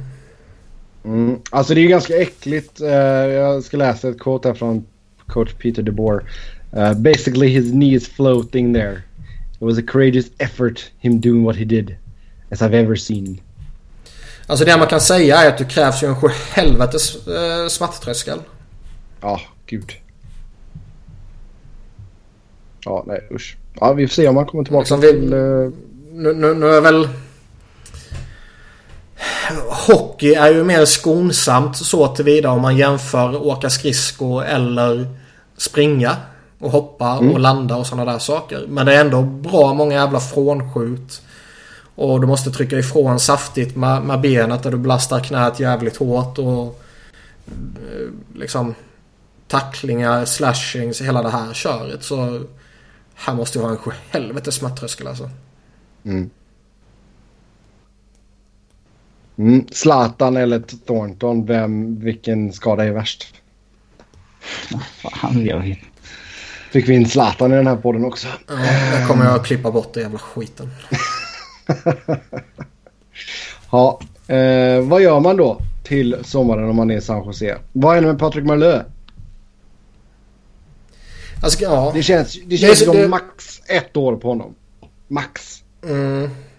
Han var ändå okej okay denna säsongen. Så visst, signa upp honom på två år kanske. Det är väl inte en skandal beroende på priset såklart. Men det känns som att så... Jag, jag kan tänka mig att de kan mycket väl släppa honom. Och bråd på hur man ser läget med Thornton. Mm. Men som det sagt, det, det, är så, det är så lustig jävla situation med honom så... Du, du kan ju få in en bättre spelare för de Marlö-pengarna. Är det inte säkert att den spelaren är tillgänglig? I Ginla eller? Du måste ju hitta någon. Du måste hitta någon på marknaden. Mm, vänta. Inte att det finns massor med för oss som bara vill att signa där billigare än Marlö. Marlö tar ju förmodligen en discount om man signar där. Kan man få Radulov på 6,7? Ah, alltså... Känns som att han kommer signa i Montreal. Men jävla risk. Det är en på tio att du får honom. Liksom. TJ Oshie. Leif. Leif. Sorry. Sorry, Leif Oshie. Det känns som att med Oshie, det kanske var Patrick Sharp. Det kanske, jag, jag tror Radulov kommer signa i Montreal så jag tror han kommer försvinna. Men om man bara kollar på free agents i övrigt så är det ju inte... Det är ingen bargain hunting där inte. Nej, alltså, liksom... Det är... Signa upp en 45-årig jägare är ju charmigt men är det liksom... Ja, det är Då kan du lika gärna behålla Morlö kanske. Ja. Mm. Ja. Ta en chansning på Vanek kanske. Ja, det behöver inte vara fel. Ja, då kan du också lika gärna behålla Marlö. Ja. Marlö. Marlö. Får, Mar får Marlö gå ner rejält i, i pengar och ta in Vanek. Och då snackar vi. Ja. Mm, annars känns det som att man är ganska fast med det laget man har. Vill man byta ut så mycket? Eller? De har ett jättebra lag. Alltså... Ja. Nej, nej, men alltså det är det jag menar. Liksom, du, du kan inte röra om grytan så jättemycket tycker jag inte ändå. Nej, det man det kanske man behöver göra det är väl om man tappar någon av de här backarna som vi pratade om tidigare. Då kanske man kommer mm. vilja plocka upp en back från Free Agency. Mm. Eller så, bara, eller så bara man... flippar man ett pick till Vegas mot att de inte tar Brown liksom. Ja. Vad har man där nere? Jag vet att uh, Robin är kåt på Marcus, Marcus Sörensen. Ja, han är uppe nu så att uh, han är väl en del av det laget. Ja. Men han kan väl vara en uh, ny Melker Karlsson eller Jonas Donskoj för dem. Men det är ingen som gör en avgörande skillnad även om de spelarna är jäkligt även viktiga. Fast, om alternativet är att spela liksom någon jävla sopa. Eh, för att han är greedy liksom. Mm. Vad finns det på backsidan? Mirko Müller verkar ju ha stannat av en del. Ja. Han blir erfaren ut som också. Julius Bergman är kanske dags att kliva mm. fram och dominera hur stark som helst. Jeremy Roy såg ju lite småspända ut eh, när han draftades där men eh, jag vet inte vad som hänt med han denna säsongen. Han har spelat 10 matcher. Förmodligen är han skadad. Mm. Ja, vi får se vad de hittar på i San Jose. Då går vi in på liten inför andra rundan här då. New York Rangers går upp mot Ottawa. Vilka ser ni som favoriter i den här matchupen? Tyvärr får man väl säga Ragdolls. Det är ju inte två perfekta lag. Nej, Det är det nej. inte. Uh, så det är ganska öppet tycker jag. Mm. Men Det, igen, det, det finns ju ändå ett övertag i Rangers med tanke på Henke Lundqvist. Ja, jag säger alltså Henrik gått in i slutspelet i den här formen har man ju svårt att se honom liksom klappa igen fullständigt i nästa runda.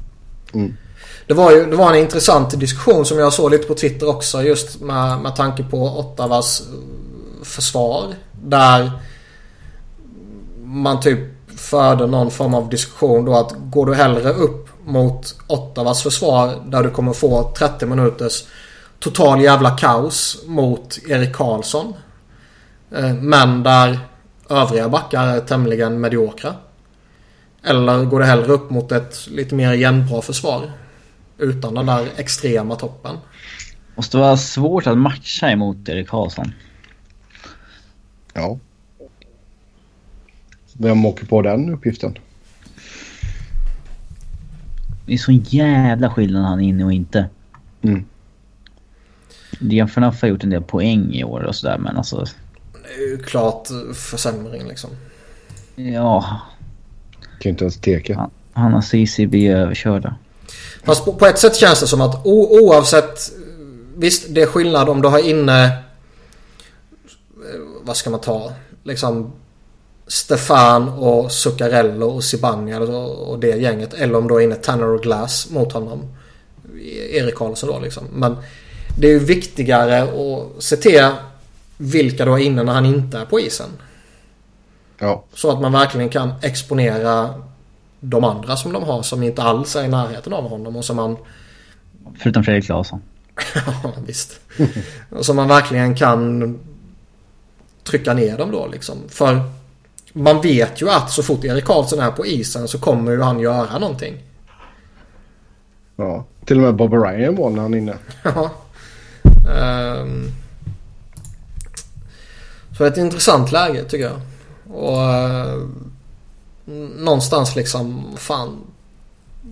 Det är, det är inte så att man ska släppa honom och låta honom göra vad han vill, Erik Karlsson givetvis. Man måste ju lägga jättemycket fokus på honom och det känns som att Rangers kan ju mycket väl vara ett sånt där lag där de får vissa spelare till att gå på honom väldigt hårt fysiskt. Absolut. Jo, och så- alltså, samtidigt så kommer det väl komma... Alltså nu spelar han ju på sprutor också. Menar, det kommer väl Han ska komma ju sluta med det verkar det som. Det verkar som att eh, det är OK inför andra rundan ju. Ja.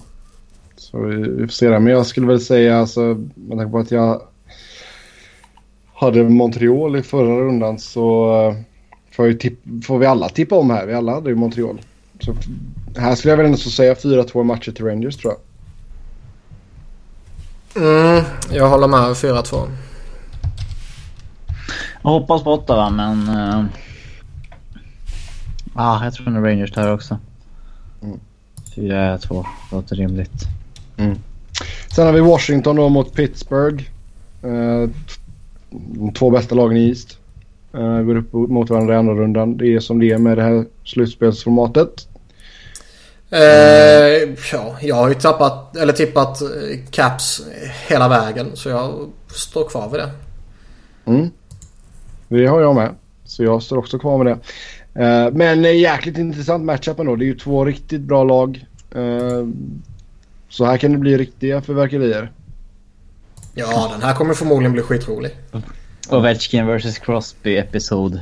Hur mycket 17. han är. Ja. Ja, exakt. Fast det är, det, är, det är verkligen två skitbra lag. Pittsburgh vet vi vad de går för. Det såg vi förra året. Och, eh, det som Vi- talar emot Pittsburgh är väl Letang liksom. Ja. ja. Hålet på den.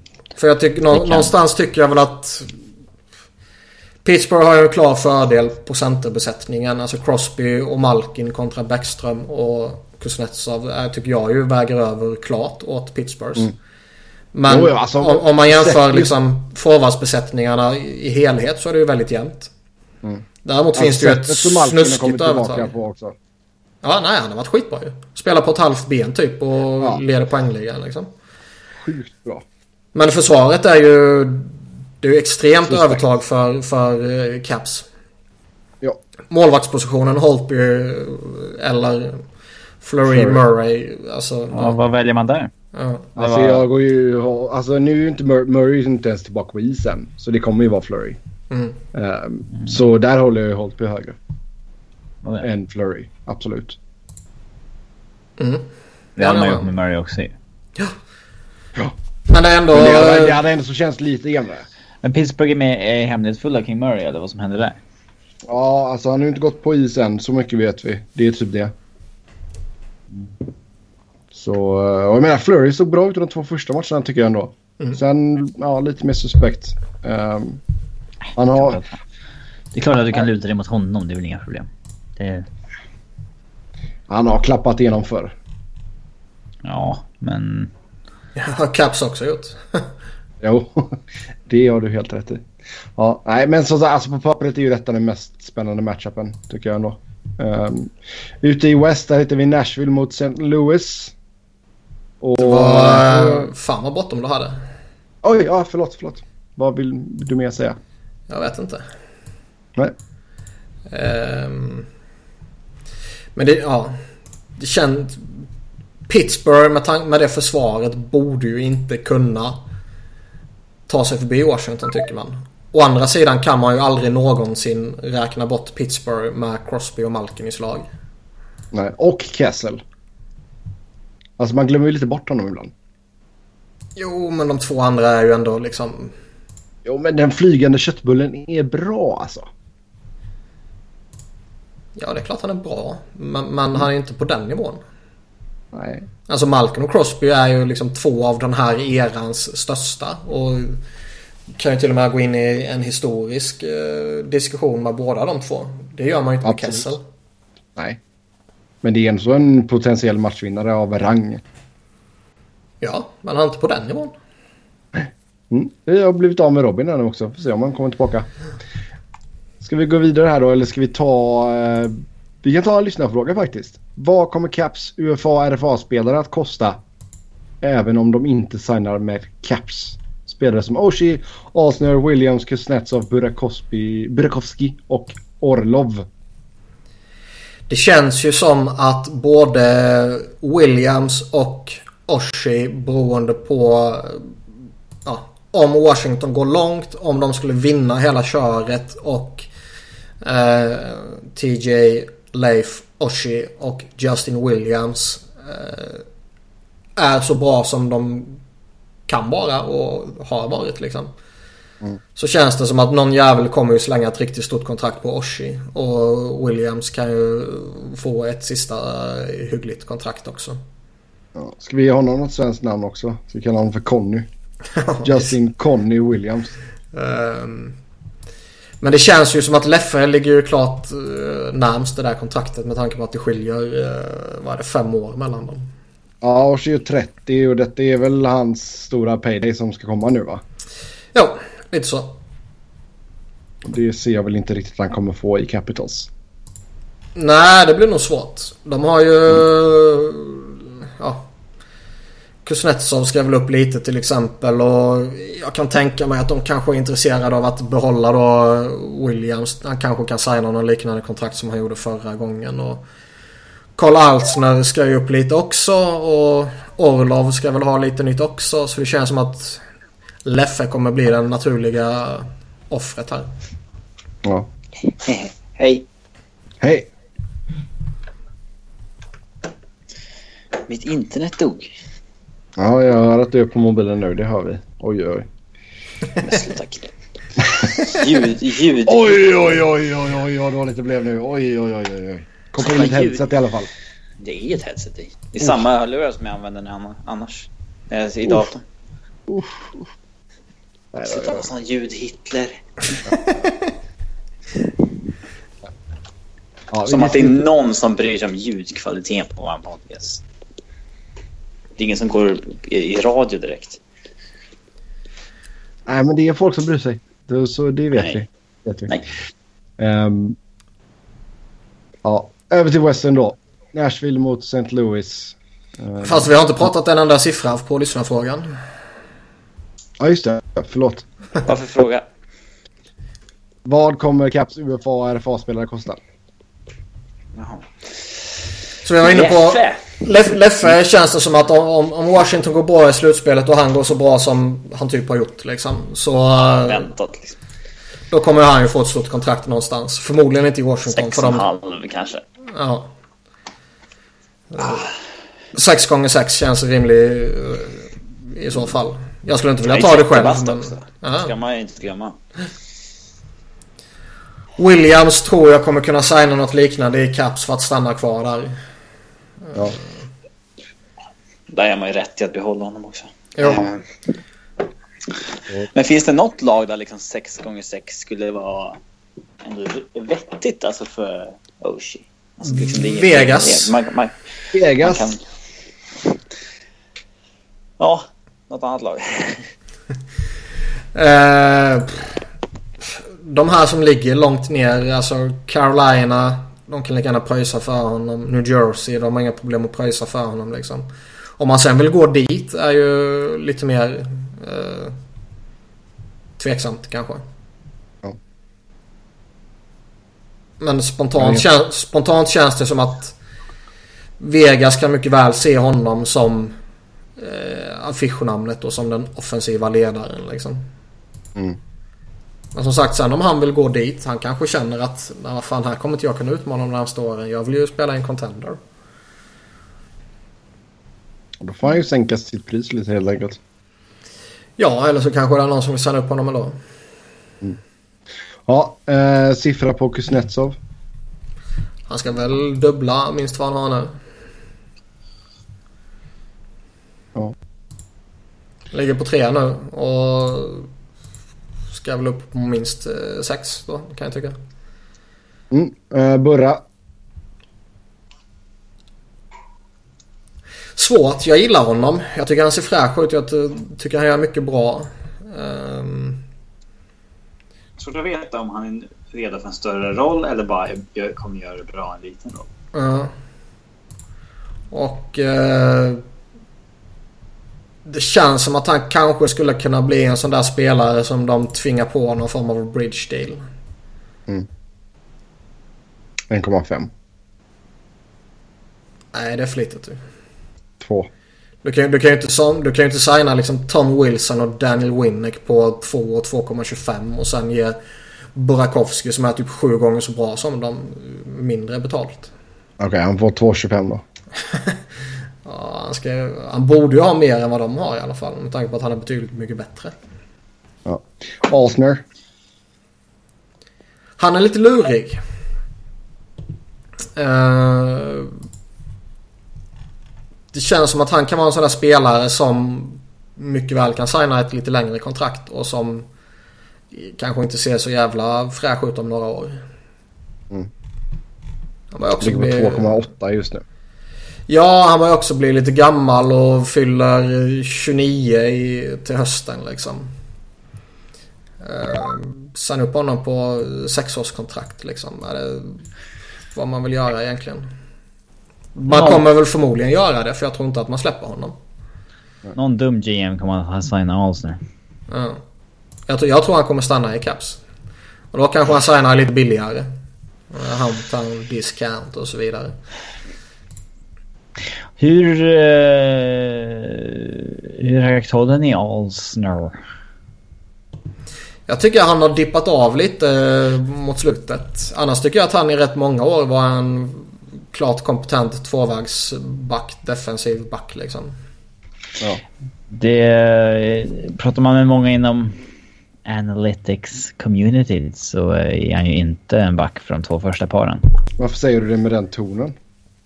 Vilken ton? Analytics uh, community.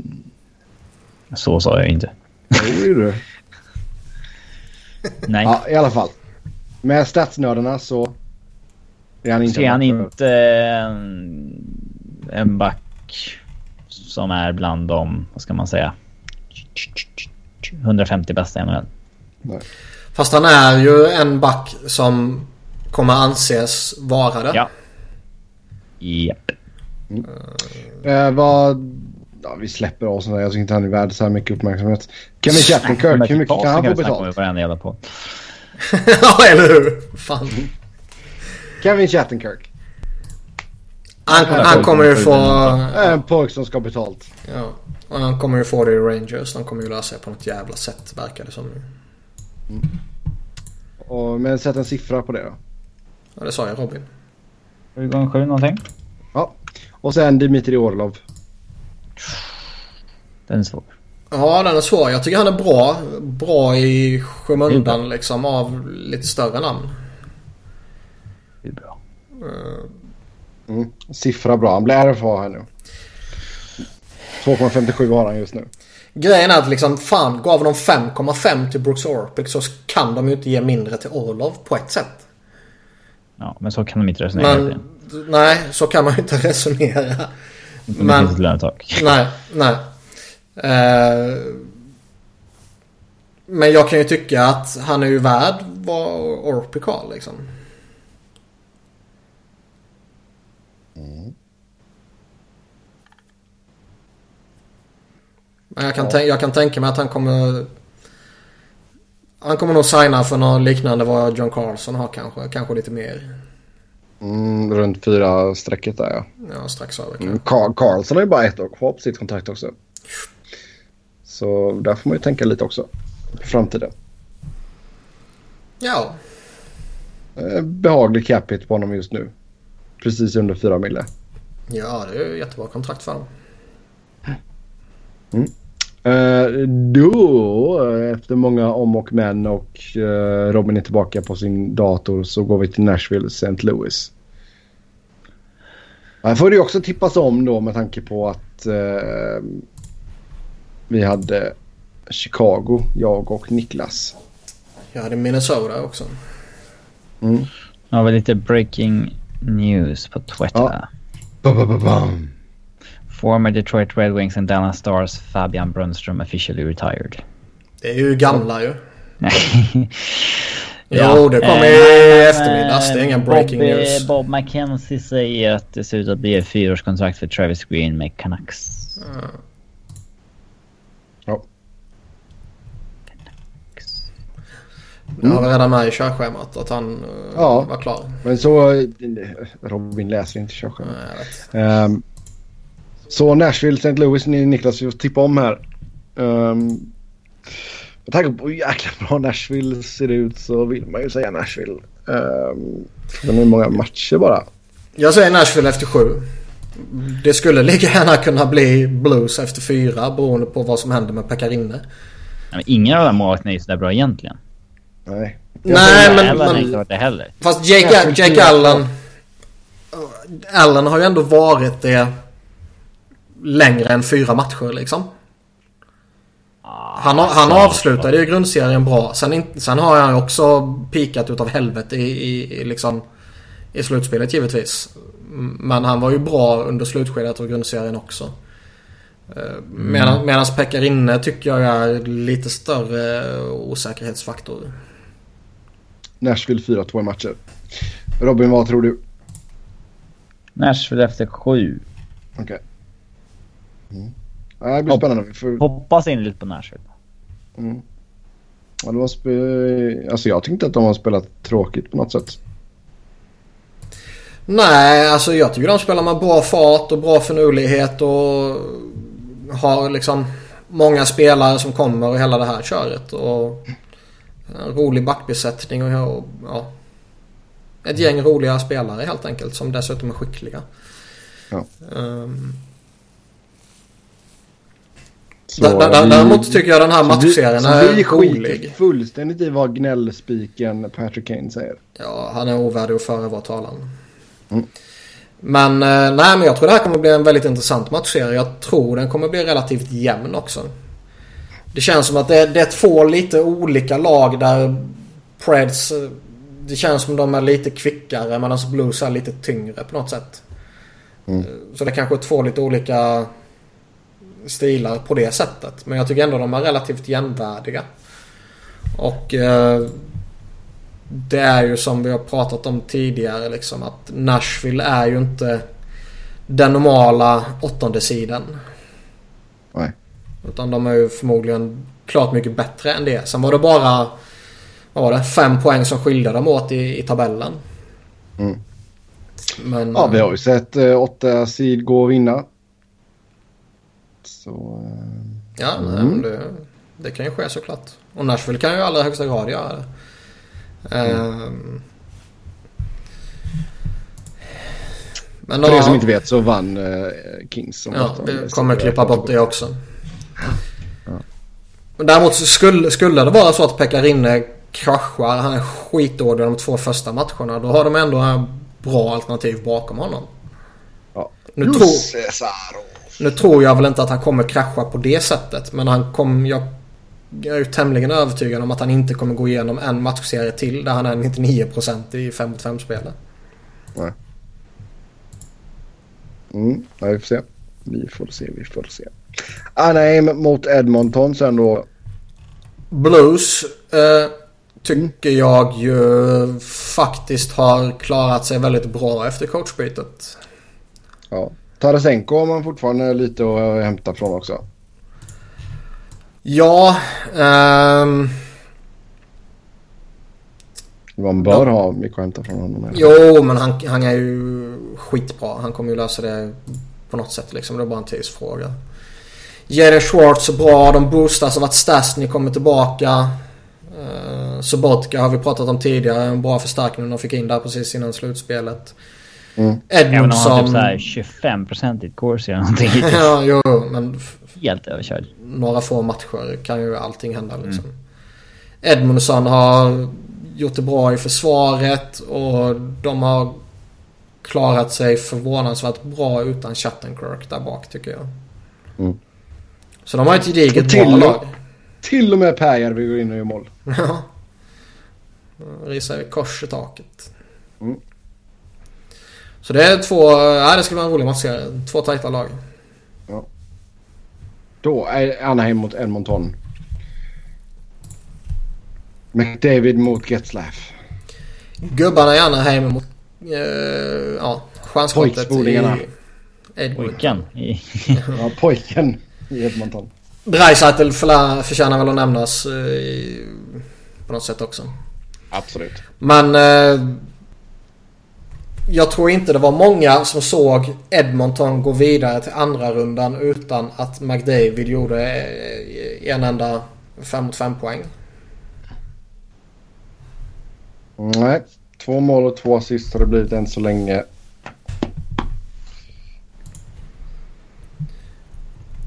Ja, Ja. Två mål från Oskar Kläffbom också. vi är inte någon jävla svensk Två fokus. mål, två mål från Zach Cassian. Ja. Nej, jag vet inte att vi inte är någon uh, Sverigepodd, men uh,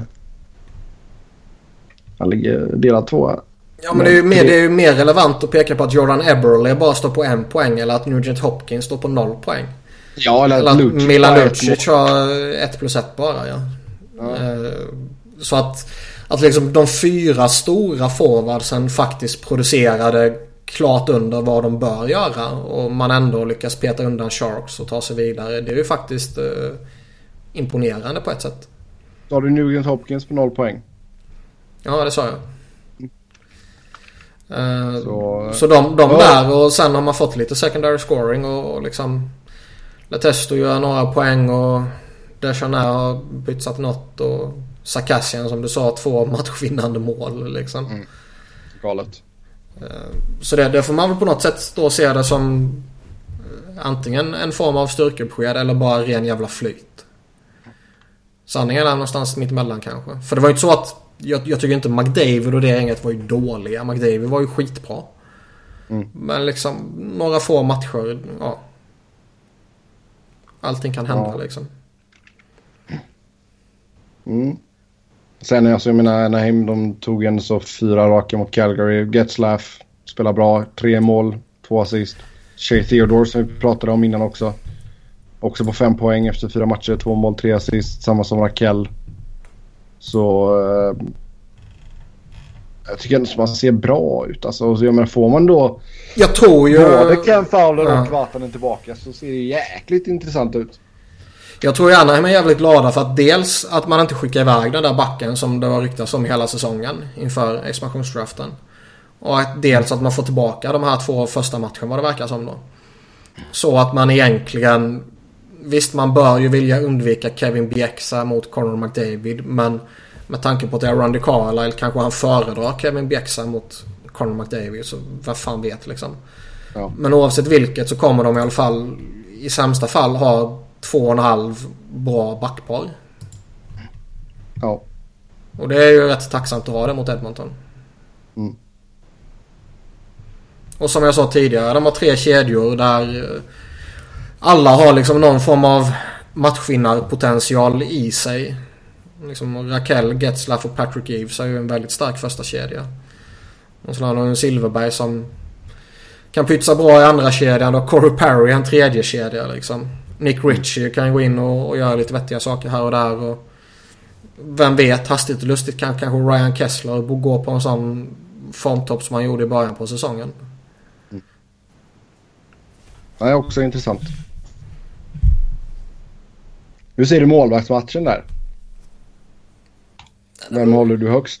Den är väl rätt jämn kan jag tycka. Ja.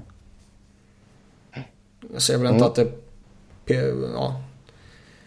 Jag, ska det väga över någonting åt det ena hållet så är det väl att... Ja. Skulle båda första målvakterna bli skadade så har väl Anaheim kanske ett litet övertag. Mm. Ja, här får man ju tippa om också då med tanke på att man har tre Sharks. Uh, Robin, vad tror du? Uh, Ducks. Ja, jag säger dags efter sju. Ja, jag hade ju gärna med Edmonton i, i den här och jag har ju Edmonton vidare till konferensfinal och jag säger efter sex matcher. Mm. Det är dags för McDavid att uh, vara McDavid. Jag säger dags efter sju då. Mm. Då går vi in på lite smått och gott övrigt här. Uh, Buffalo kickade både Tim Murray och Dan Bylsma Eh, ja, den skulle få gå var väl ganska så... Alltså inte jätteförvånande. Nej. Men att Tim Murray gick ju så här tidigt i sin GM Changer med Buffalo var ju väldigt otippat känns det som. Eh, sen har vi inte han haft något fint record direkt sen han tog över där. Eh, om man, det... han, har gjort, han har gjort många intressanta saker men nu när man summerar mycket av det han har gjort så är det väldigt lite som har fallit väl ut. Det var ju lite skoj för Pegula, ägaren, hade ju typ frågat honom att Jaha, vad, vad ska vi göra nu liksom? Hur ser planen ut nu? Och han verkar ju typ inte haft någon plan. Nej. Uh, jag vet inte hur kryddat det där är alltså. Men... Nej, det kan vara kryddat något fruktansvärt eller så är det 100% sanning. Men det, det eller skulle... så anser Pegula som kanske inte är så hockeykunnig att när Mercy att stick to the plan, göra vad vi har gjort. Att det inte är någon riktig plan för att... Ja, nej, nej. Det kan ju vara... Eh, ja tusen olika förklaringar. Men det får ju en att fundera liksom. Om vi leker med tanken på att det stämmer att ja, men vi, liksom, vi kör vidare. Vi har ingen plan liksom. Hur många GMs i ligan har ingen plan egentligen? Ja, det är inte många. Ja. Det var ju som Uncle Lou i Toronto sa ju ett, eh, ett rätt roligt quote nu på deras exit interviews att Ja men vi har en femårsplan som förändras dagligen. ja. ja, det är helt rätt. men men uh, Pagula är ju...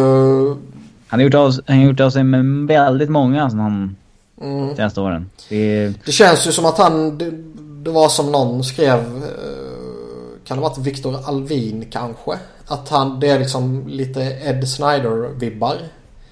Mm. Att han vill vara inne och bestämma och kleta i allting och väldigt eh, kort tålamod och sådana saker. Mm. Men alltså ty tycker ni att det, det liksom inte gått tillräckligt fort i deras rebuild eller vad liksom vad ligger bakom? Rebuild, alltså. De tankade ju sönder som fan. Ja. Och det gjorde de ju rätt i. De fick ju Eichel. Uh, Fast det är, ändå li, så... det är ju ändå lite farligt att liksom det, det, är som de säger på något sätt och som jag tycker de har eh, är en relevant åsikt. Det här att fostra upp spelare i en losing culture. Det tror jag inte är bra. Nej. Uh, och liksom omgärda dem med dåliga spelare för att du ska vara dålig och få nya unga spelare. Det, det kan gå fel liksom. Så det, det är en farlig gräns man balanserar på. Ja, men eh, ja.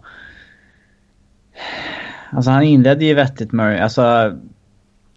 Men återigen så ser vi att det är ju. Det är ju väldigt mycket enklare att eh, sälja av än att bygga upp. Mm. Eh, har Bogosian Kane-traden fallit väl ut för Jets? Eller för uh, Sabres? Nja. Inte riktigt. Uh, O'Reilly-traden är väl hygglig. Mm. Jo, men den var bra till och med. Mm. Ja. Kontraktet uh, kan man väl tycka sådär om men spelaren O'Reilly är ju bra och de gav ju typ inte upp något av värde för honom heller vad det verkar som. Alltså. Jag tycker att bägge lagen kan vara nöjda med den traden fortfarande. Men... Uh, betalade väldigt dyrt för Robin Lehner. De har, ju, de har ju inte fått ut bra av Matt Molson liksom. De har pröjsat rätt mycket för honom. Nej, alltså jag vet att vissa hånat honom för att han betalade tredjehundsval för Jimmy Vasey som... Men det var liksom... Det var en chansning liksom som... Ja, det kan vara värd att ta ett tredje val liksom. Ja, det är ett gamble som var värd att ta. Mm. Uh, ja, alltså jag tycker att man ska inte sparka en GM efter tre och ett halvt år. Det är liksom för kort tid i den branschen för att... Ja, alltså det känns inte rätt tycker jag. Mm, det var ju någon, någon som var... Ja, det var ju någon som var inne på det att... Eh, när du börjar en ny rebuild så vill det nog... Det kan nog ha varit han Corey Proman tror jag. Så vill det nog till att din första draft blir eh, lyckosam. För det är den som liksom kommer... Sätta tonen så att säga. Ja, på något sätt. Och Murrays var väl 2014 då där Samson Reinhardt är den enda eh, som har kommit fram. Liksom. I övrigt har det inte mm. blivit så värst mycket från den. Och de hade ändå rätt många spelare där som, som de plockade upp. Eh, helt gäng i andra rundan. Mm. Och tittar man då på nästa draft också 2015. Ja, de fick Jack Eichel och han kommer bli... Han är redan bra och han kommer bli ännu bättre. Men nej, det var inte mycket mer där heller. Nej. Och 2016 är givetvis på tok för, för tidigt att utvärdera. Men de fick Nylander och Asplund och båda två tror jag kommer bli bra NHL-spelare. Mm. Konstigt surr i eh, Elliot Friedmans 30 thoughts idag. Där han säger att det går starka rykten om att NHL har eh, advised Buffalo att gå efter en mer experienced GM. Ja, men, men det var någon som skrev att så har de gjort på många lag. Att de kommer med skickar rådgivning till många lag vad man tycker de borde göra typ. Mm. Konstigt, varför är de där inne och petar? Jo.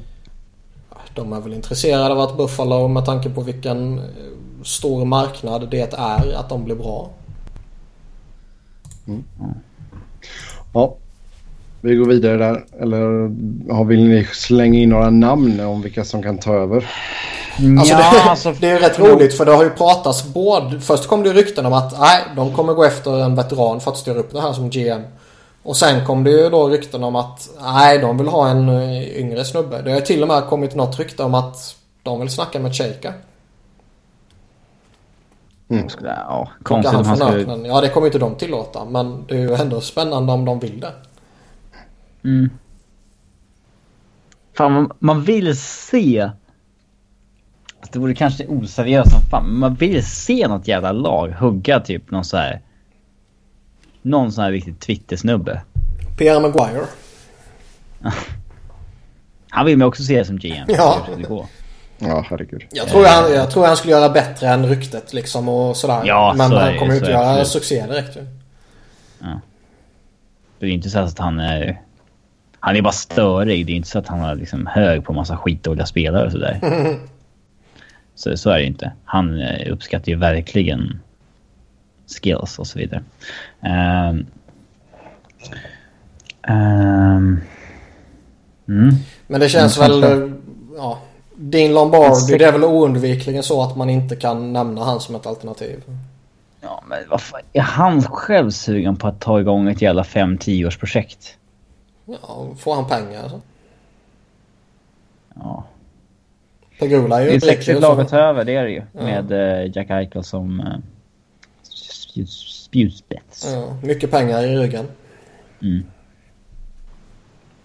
Mm. Då går vi vidare. Robin, du snackade om Travis Green förut. Förväntas bli Vancouvers nästa coach. Vad sa du att det landade på? Vad sa du? Fyra år. Fyra år. Han har ju varit ett av de här nya namnen som har diskuterats här de senaste gångerna att uh, han kommer han kommer komma upp så småningom. Och ja.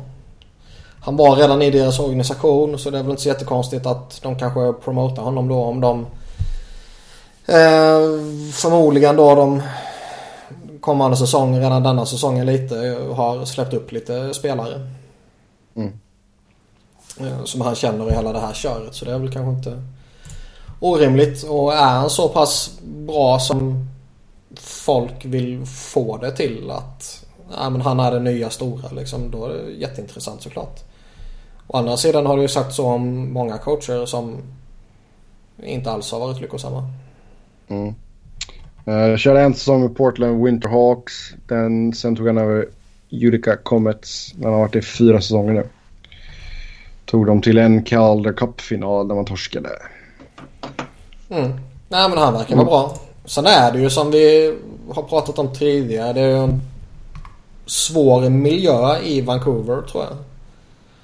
Eh, Du har liksom ett skitlag där dina två enda bra spelare är på tydlig nedgång och kanske bara är kvar ett år till.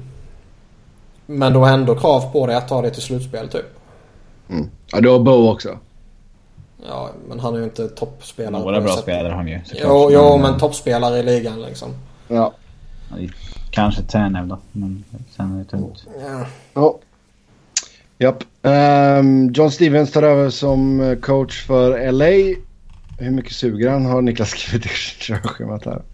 Ja, Niklas du har ju lite historik med uh, herr Stevens. Han... Uh, Han har ju också varit eh, en av coacherna som de senaste åren har snackats väldigt, väldigt gott om som någon som kommer... Mm. Ja, må många har velat prata med när man har haft en uh, Mm. ledig headcoachjobb. och så där. Hans, hans rykte i, i allmänna hockeykretsar är ju betydligt bättre än hos herr Ja. Ja, han, körde Allmänna hockeykretsar kan dra åt helvete. ja, han körde ju sex år med Philadelphias AHL-lag och sen eh, var han headcoach i tre, eh, ja, lite över tre säsonger. Men var han så dålig i Philly som du faktiskt... Alltså så här med... Nu, Grejen att jag, jag, jag ska ärligt säga att jag minns inte så jättemånga detaljer. Det kan ju vara att eh, som, som alla jävla coacher som vi typ har haft förutom Laviolette senaste åren. Nej men Laviolette var ju bra på riktigt fram till det kraschade rätt saftigt slutet. hade han haft en säsong till hade du också börjat hata honom. Ja, förmodligen men... eh, Det är Du så. var på väg ut för det. Ja. Men det, det kan ju vara så att man har färgats lite av att det gick inte bra med Stevens. Det var massa konstiga saker, konstiga beslut. Han behandlade spelare på olika sätt liksom och, och petar vissa spelare för en sak men andra spelare sitter heligt vad de än har gjort för att de typ Ja. vann Call the Cup med honom. Och, och lite sådana där lustiga saker. Och sen följdes det upp av en jätteduktig coach. Så det kan ju vara att hans efterträdare har gjort att han har tryckts ner lite. Och han är ju... ung då också. Ja, färsk och hela det här köret så absolut. 40 bast liksom. Ja, ja. Men eh, han, var han är ju en players coach liksom. Spelarna gillar honom. Han är ju inte den här Tortorella-typen som står och skriker och gormar och sådär. Utan han är ju den... Analytisk. Ja, han är ju den tråkiga som står och tuggar tuggummi och tittar upp på jumbotronen när det går åt helvete liksom. Mm, jag har varit i Kings sedan 2010 som eh, assistant coach. Väntat länge på sin chans. Mm. Det känts givet att det blir han efter så att det är ganska länge. Om inte något annat lag skulle hinna före. Ja, de Det- har ju det format honom för det intressant känns det att som. Kings, eh, att Kings liksom... Ja, de slår på stora tumman om förändringar så promotar man assisterande coachen och assisterande GMen. Bara. Ja. Och frågan är hur stora De kanske har ett förändringar... helt annat synsätt. Alltså det, det kan ju bli en väldig skillnad på GM-positionen. Men om du har en coach som ändå har jobbat under din tidigare headcoach i... Vad blir det? Fem säsonger blir det va? Nej, fyra. Äh, sen han kom, Sutter. Ja, Ja. fyra, fyra fem. Eller, något sånt där. Ja. eller 12 kom han in. Ja. Och eh, det är ju liksom... Borde inte han ha färgats jävligt hårt av sin coach liksom? Ja, Förmodligen. Och sen såg vi Mike Sullivan komma in och vara en helt annan person än vad John Tortorella var. Ja. Ja. att, eh, Och folk säger att det har fått Tortorella till att ändra sig. Mm. Att han Ja, såg det är när, när liksom han... tanken Ja, ja. Ehm. Så jag vet inte. Det, det ska bli lite intressant att följa ju. Mm. Sen så... Eh, LA köper inte ut Marian Gaborik på grund av skada. Skulle man gjort det annars? Vet ej. Borde man göra. Ja, men alltså ja. Det är väl ingen kul buyout direkt heller där. Nej, det är det verkligen var- inte. Men Alltså grejen är att var det liksom... Hade man tänkt göra det om han inte skulle varit skadad? Eller var det mer exit interviews där de liksom bekräftade att ja, han är skadad rätt omfattande. Han behöver opereras och så bara tog alla någon form av slutsats utan att det sades att jaha, ja, då kan ni ju inte köpa ut honom typ. Mm. Jag vet Nej, faktiskt man inte. ska- Men köpa ut honom tycker jag är lite väl drastiskt redan. Liksom. Där borde man ju kunna... Eh, liksom, Ja, In, invänta Vegas i alla fall. Och, ja, alltså, invänta, se vad som händer där. Kanske ge han en säsong till på att studsa tillbaka på något sätt. Och, eh, En buyout kan man alltid vänta med. Där har man inget att förlora. Det blir bara bättre ju längre tiden går. ja. Uh, Blake sa att han trodde inte att Gaborik var helt hundra den här säsongen. Det kan man hoppas. Um, och han kommer inte vara frisk i tid för starten av training camp i alla fall. Mm. Det låter lovande. Men eh, jag ser inget quote om att man skulle ha köpt ut honom ifall han var frisk. Nej, jag har inte sett... Nej, jag... Liksom, to- tolkningen som jag gör är ju att de typ säger att nej men han är skadad, han är borta jättelänge. Och så tar alla bara slutsatsen att ja, ja, eftersom han är skadad så får man ju inte köpa ut honom. Jo men samtidigt så står det så. Nu läser jag på Yahoo Sports. John Josh Cooper på Puck Daddy som skriver Los Angeles Kings forward Marin Gaborik will not be bought out general manager Rob Blake told reporters Monday. Men jag ser ju inget quote, quote när han säger liksom bara det kan, det, kan ju inte- vara, det kan ju vara att det sitter någon galning där som ställer första frågan. Kommer ni köpa ut Gaborik? Nej, det kommer vi inte göra. Punkt. Och sen så, han är skadad. ja, ja det är sant. Och det ena behöver ju inte hänga ihop med det andra då liksom. Nej. Eh, kanske gör chanserna lite godare att eh, Vegas tar Dustin Brown. Kan man ju Nej men sluta nu för fan. Hoppas, hoppas, hoppas. Eller att han blir tradad till Colorado. Det är också jättetroligt. Nej. Någonting roligt. Jag måste få hoppas på någonting i alla Ja, men alltså fan, Eh. tar, tar Vegas Brown då ska de ju folda direkt ju. De bara, ah, tack. It was a fun trip. Ja, ni, Nej, ni, men- ni, var, ni var för dåliga liksom. Nej, vi, vi skippar det här liksom. För, för Ja, korkat. det verkar ju inte som att... Eh, alltså, det verkar som att George McPhee verkligen gör allt för att maximera värdet han kommer få ut ur den här draften. Det känns inte som att de... Alltså de pratar inte om att hitta spelare för olika roller och så här, vad jag har sett i alla fall. Mm. Som kan antyda att de kommer göra något så dumt. Nej, Men, han vill ha eh, så mycket kvalitet som möjligt och det gör han helt rätt i. Och då är inte Dustin Brown ett bra val. Eh, rykten att Ilja Kovalchuk är intresserad av en comeback i NHL. Hur skulle det gå till? Vilka lag tror vi kan vara aktuella och vilka lag hoppas vi är aktuella och vilka hoppas vi inte är aktuella? Ja, eh, vi kan väl gå igenom vad Bobby Mack sa om eh, själva CBA-frågan i den här frågan. att Kovacak är property of the New Jersey Devils eftersom han är på voluntary retirement list. Okej. Eh, så han får signa med eh, New Jersey Devils för kommande säsongen. Eh, om Kovacak inte vill signa med New Jersey, då kan signa med vilket annat team som helst. Men då måste alla andra NHL-lag i ligan eh, godkänna det. Ja, Och där glöm skriver. Bobby Mac “Not a chance”. Mm. Eh, och eh, eftersom Kovacak är på voluntary retirement list så kan New Jersey inte trada hans rättigheter. Man kan inte trada en spelare som är på den listan. Utan han måste signas och tradas först. Ja. I så fall. Eh, Sign and trade kan man väl nästan se hända eller? Ja. Alltså de kommer ju inte signa honom eh, ut. Om han vill någon annanstans så kommer ju inte de signa honom för att sen se vad som händer. Utan det, det kommer ju förhandlas med... Ja, då säger Montreal. Här är kontraktet vi vill ha med Kovacak. Signa din det med honom så tradar vi den här spelaren mot honom. Ja, exakt. exakt. Ja. Eh, Så Montreal tror du är intresserade? nej, det var bara ett exempel. Okej, ja. Jag kan Ja. nog mycket väl säga att de kan vara intresserade. Alltså säg att Radulov säger att nej, jag ska ha så här mycket pengar och Montreal säger att nej det funkar tyvärr inte. Vi släpper det till UFA liksom. Ja, vi, Tänk då- Kowalczyk istället. Ja, chansa med honom istället liksom.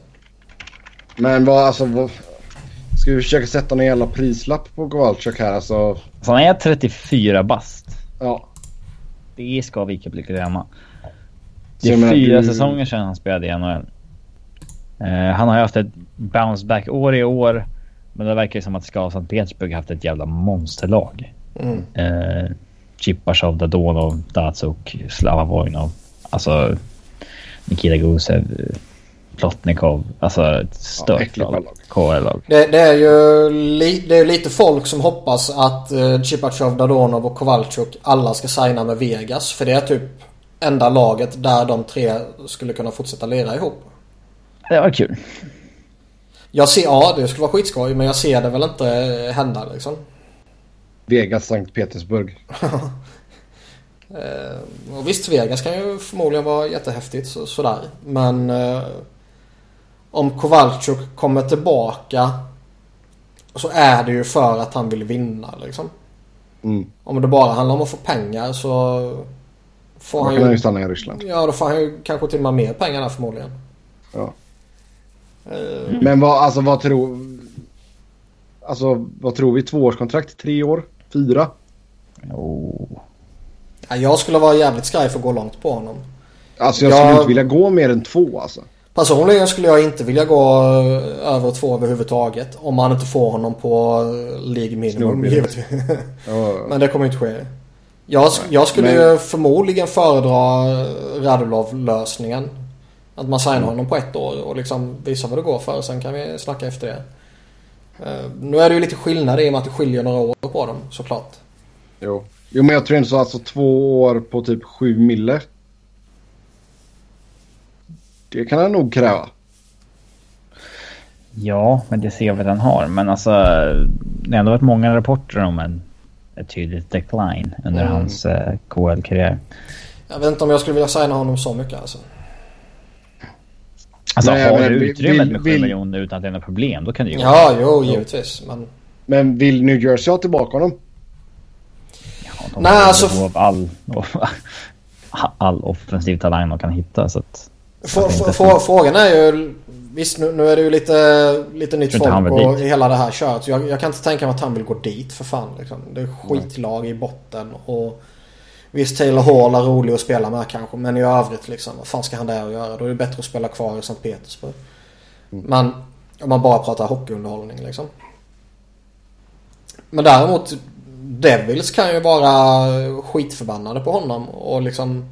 Nej, vi kommer inte ta tillbaka dig. Du kan spela i KHL. Men men där det får man ändå- se vad Ronik säger. Nej, men. När Kawasaki stack. Ja. Ja, herregud. Men jag menar, där får ju ändå så New Jersey se det ur ett businessperspektiv ändå. Jag menar, de kan ju så få... Jo, det är klart. Alltså, de kan ju... Ja, de kan säkert få en helt okej prospect eller en bra pick eller en uh, roster player eller sådana där grejer. Helt klart. Men... man kan ju också vara jävligt långsint och så tänker man att ja den här halvdana prospekten vi får han kommer inte förändra någonting för oss. Alltså hade, Då kan hade den- Lou... då Hade kan den Lou där- varit kvar så- Ja då kan den där jävlen sitta kvar i Ryssland liksom.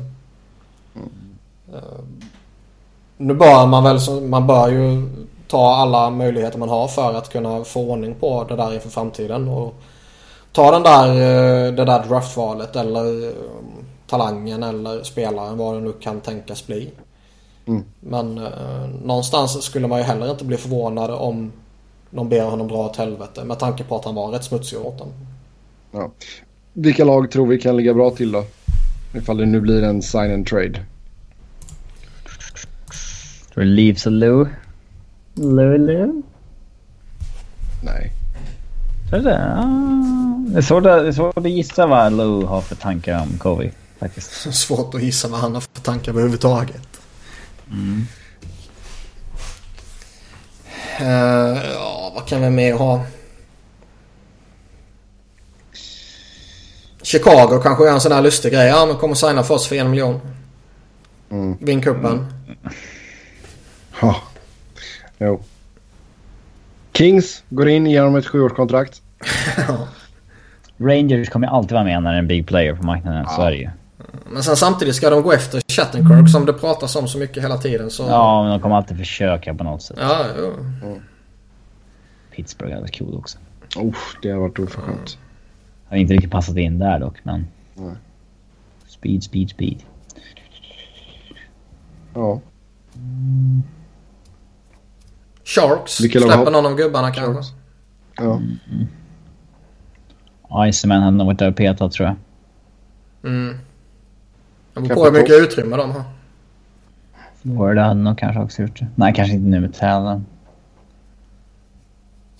Mm. ja alla, alla bör ju vara intresserade i alla fall. Så mycket kan vi säga. Ja, alltså. s- Ja. Ja. Detroit kommer kanske lägga, slänga fram ett kontrakt också. Mm. ja. Vilket lag vill du absolut inte att han ska gå till Niklas? Det vore trist om han ska spela med Sedinarna i Vancouver. ja, kul.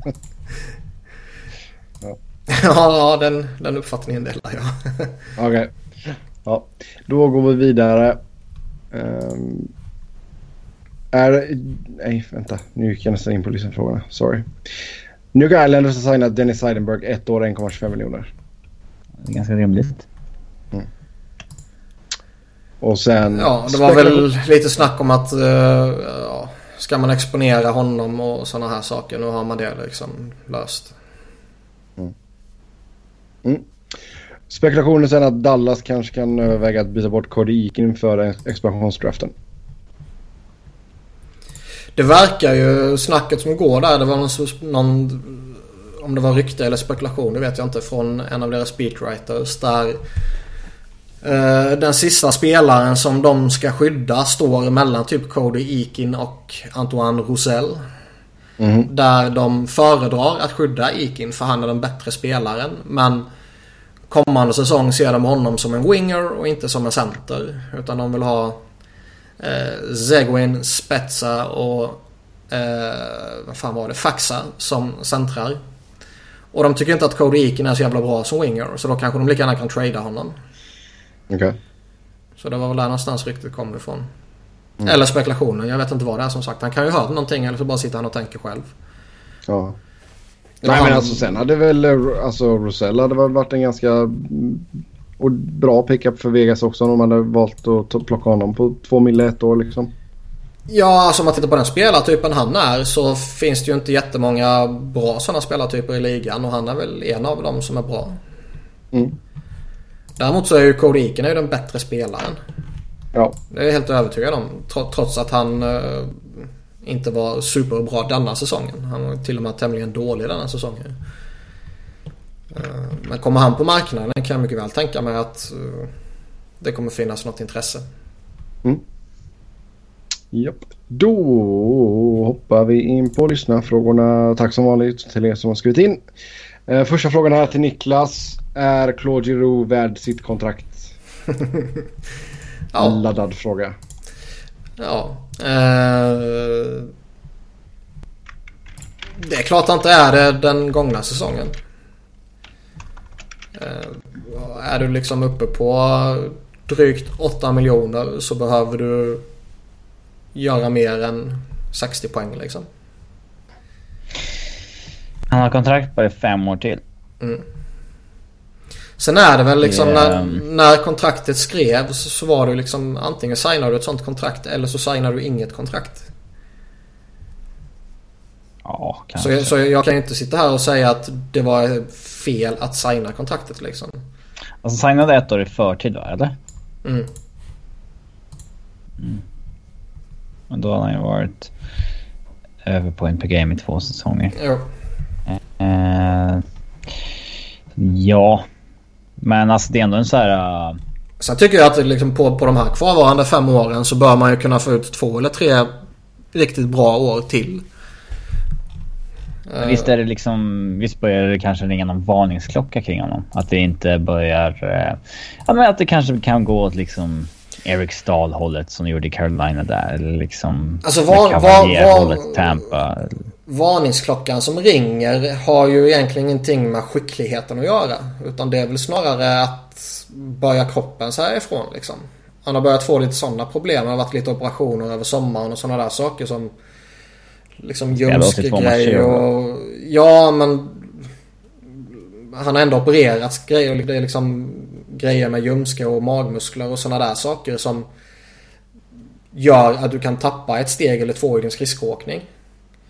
Och, och liksom med tanke på vilken spelare han är och spelartyp han är så kan det ju påverka honom rätt hårt.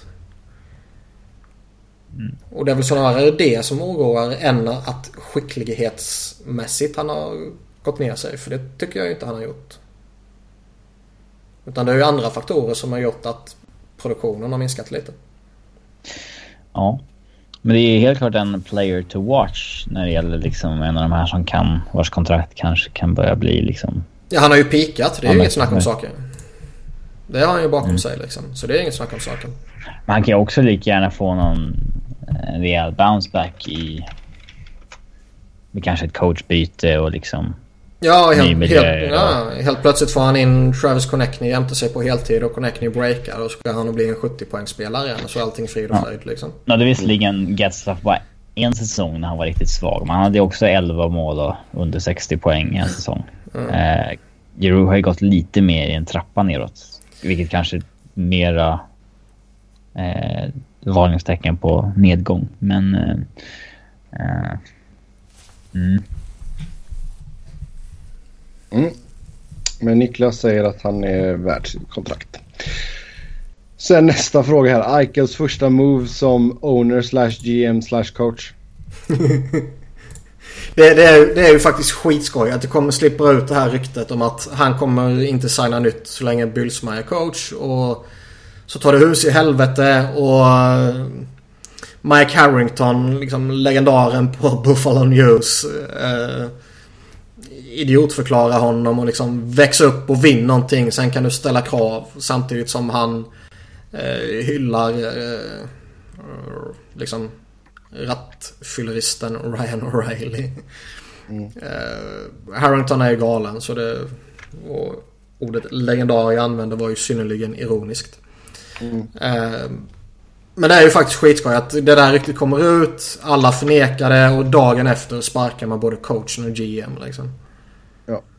Eh, jag kan ju mycket, alltså det är ju inte, som jag ser det, är det ju inte det minsta konstigt att ägare eller GMs eller båda två eller vad man nu ska se på saken liksom pratar med sin leadership group eller kapten eller stora stjärna eller framtidsnamn eller sådana där saker om ja, hur är coachen liksom. Mm. Eller ägaren, hur är din GM, hur funkar det liksom. Det, det är ju inte det minsta konstigt. Det tar jag för givet att alla gör. Och gör du inte det så tycker jag att du gör något fel. Eichel går in och bara sågar dem i fotknölarna. Bara, Mm. det är skit. Ja. Jag menar liksom säger de ledande spelarna i, i truppen då oavsett om vi pratar NHL eller Hockeyallsvenskan eller Premier League eller La Liga eller whatever att Nej, vi har inget förtroende för coachen. Han misslyckas med det här och det här och det här och det här funkar inte. Den där grejen är helt åt helvete liksom. Eh, dels kommer ju det här den vanliga då att ja det är lättare att göra det av med en tränare än att göra det av med ett dussin spelare. Mm. Men du har ju faktiskt investerat väldigt mycket tid, energi, eh, allt ifrån liksom scoutingverksamhet till att drafta honom och efter draften följa honom, utbilda honom, lyfta upp honom i NHL och, och verkligen investera pengar i honom. Så på ett sätt så är det ju mer rimligt att man värdesätter det än att man värdesätter en coach som inte direkt är en toppcoach i ligan. Nej. Sen håller jag med det här att Murray Fan, jag, jag kan tycka han borde fått ett år eller två till på sig innan han började sitta pytt till. Men att man dumpade Ja. Bylsma det tycker jag är tokgivet. Mm. Vad hans första move blir det, det är svårt att veta. Han kanske signar sig själv först. Ja, exakt. Ja, sen eh, hur går våra brackets? Ja du, sådär va. Ja, hälften av min är ju åt helvete, hälften leder. Ja, Jag bommade ju allt på eh, övre halvan och satte allt på undre halvan. ja så länge Washington är kvar så lever han. Helt enkelt. Sen har vi Alexej Berglasov till Rangers. Tankar om detta? Jag hade faktiskt satt Edmonton som vinnare i min bracket. Inte eh, San Jose. Så jag lever med tre lag i West och två lag i Öst. Och det är alltså Caps och Pens. Så det vore ganska skandalöst om jag inte fick två... Ja, gick vidare med mina lag igen. Mm, Berglasov då till Rangers, 23-årig back från Ryssland. Har spelat med Metallurg, eh, Magnitogorsk. Torskade Gagarin Cup-finalen nu. Gagge-cupen. Gagge-cupen. Han verkar ju ha gott anseende i KHL. Men vi har inte stenkoll på de här KHL-spelarna så är det ju. Nej, så är det. Och det enda man kan gå på är väl... Statistik och... Ja, statistik och jämföra lite andra. Och det var ju som när vi för några veckor sedan pratade om någon annan toppback som vi redan har glömt vad han heter. Som liksom inte var bättre än spelare som har dumpats iväg från NHL för att de var för dåliga. Och som sen går och blir toppbackar i AHL. Eller förlåt, KHL.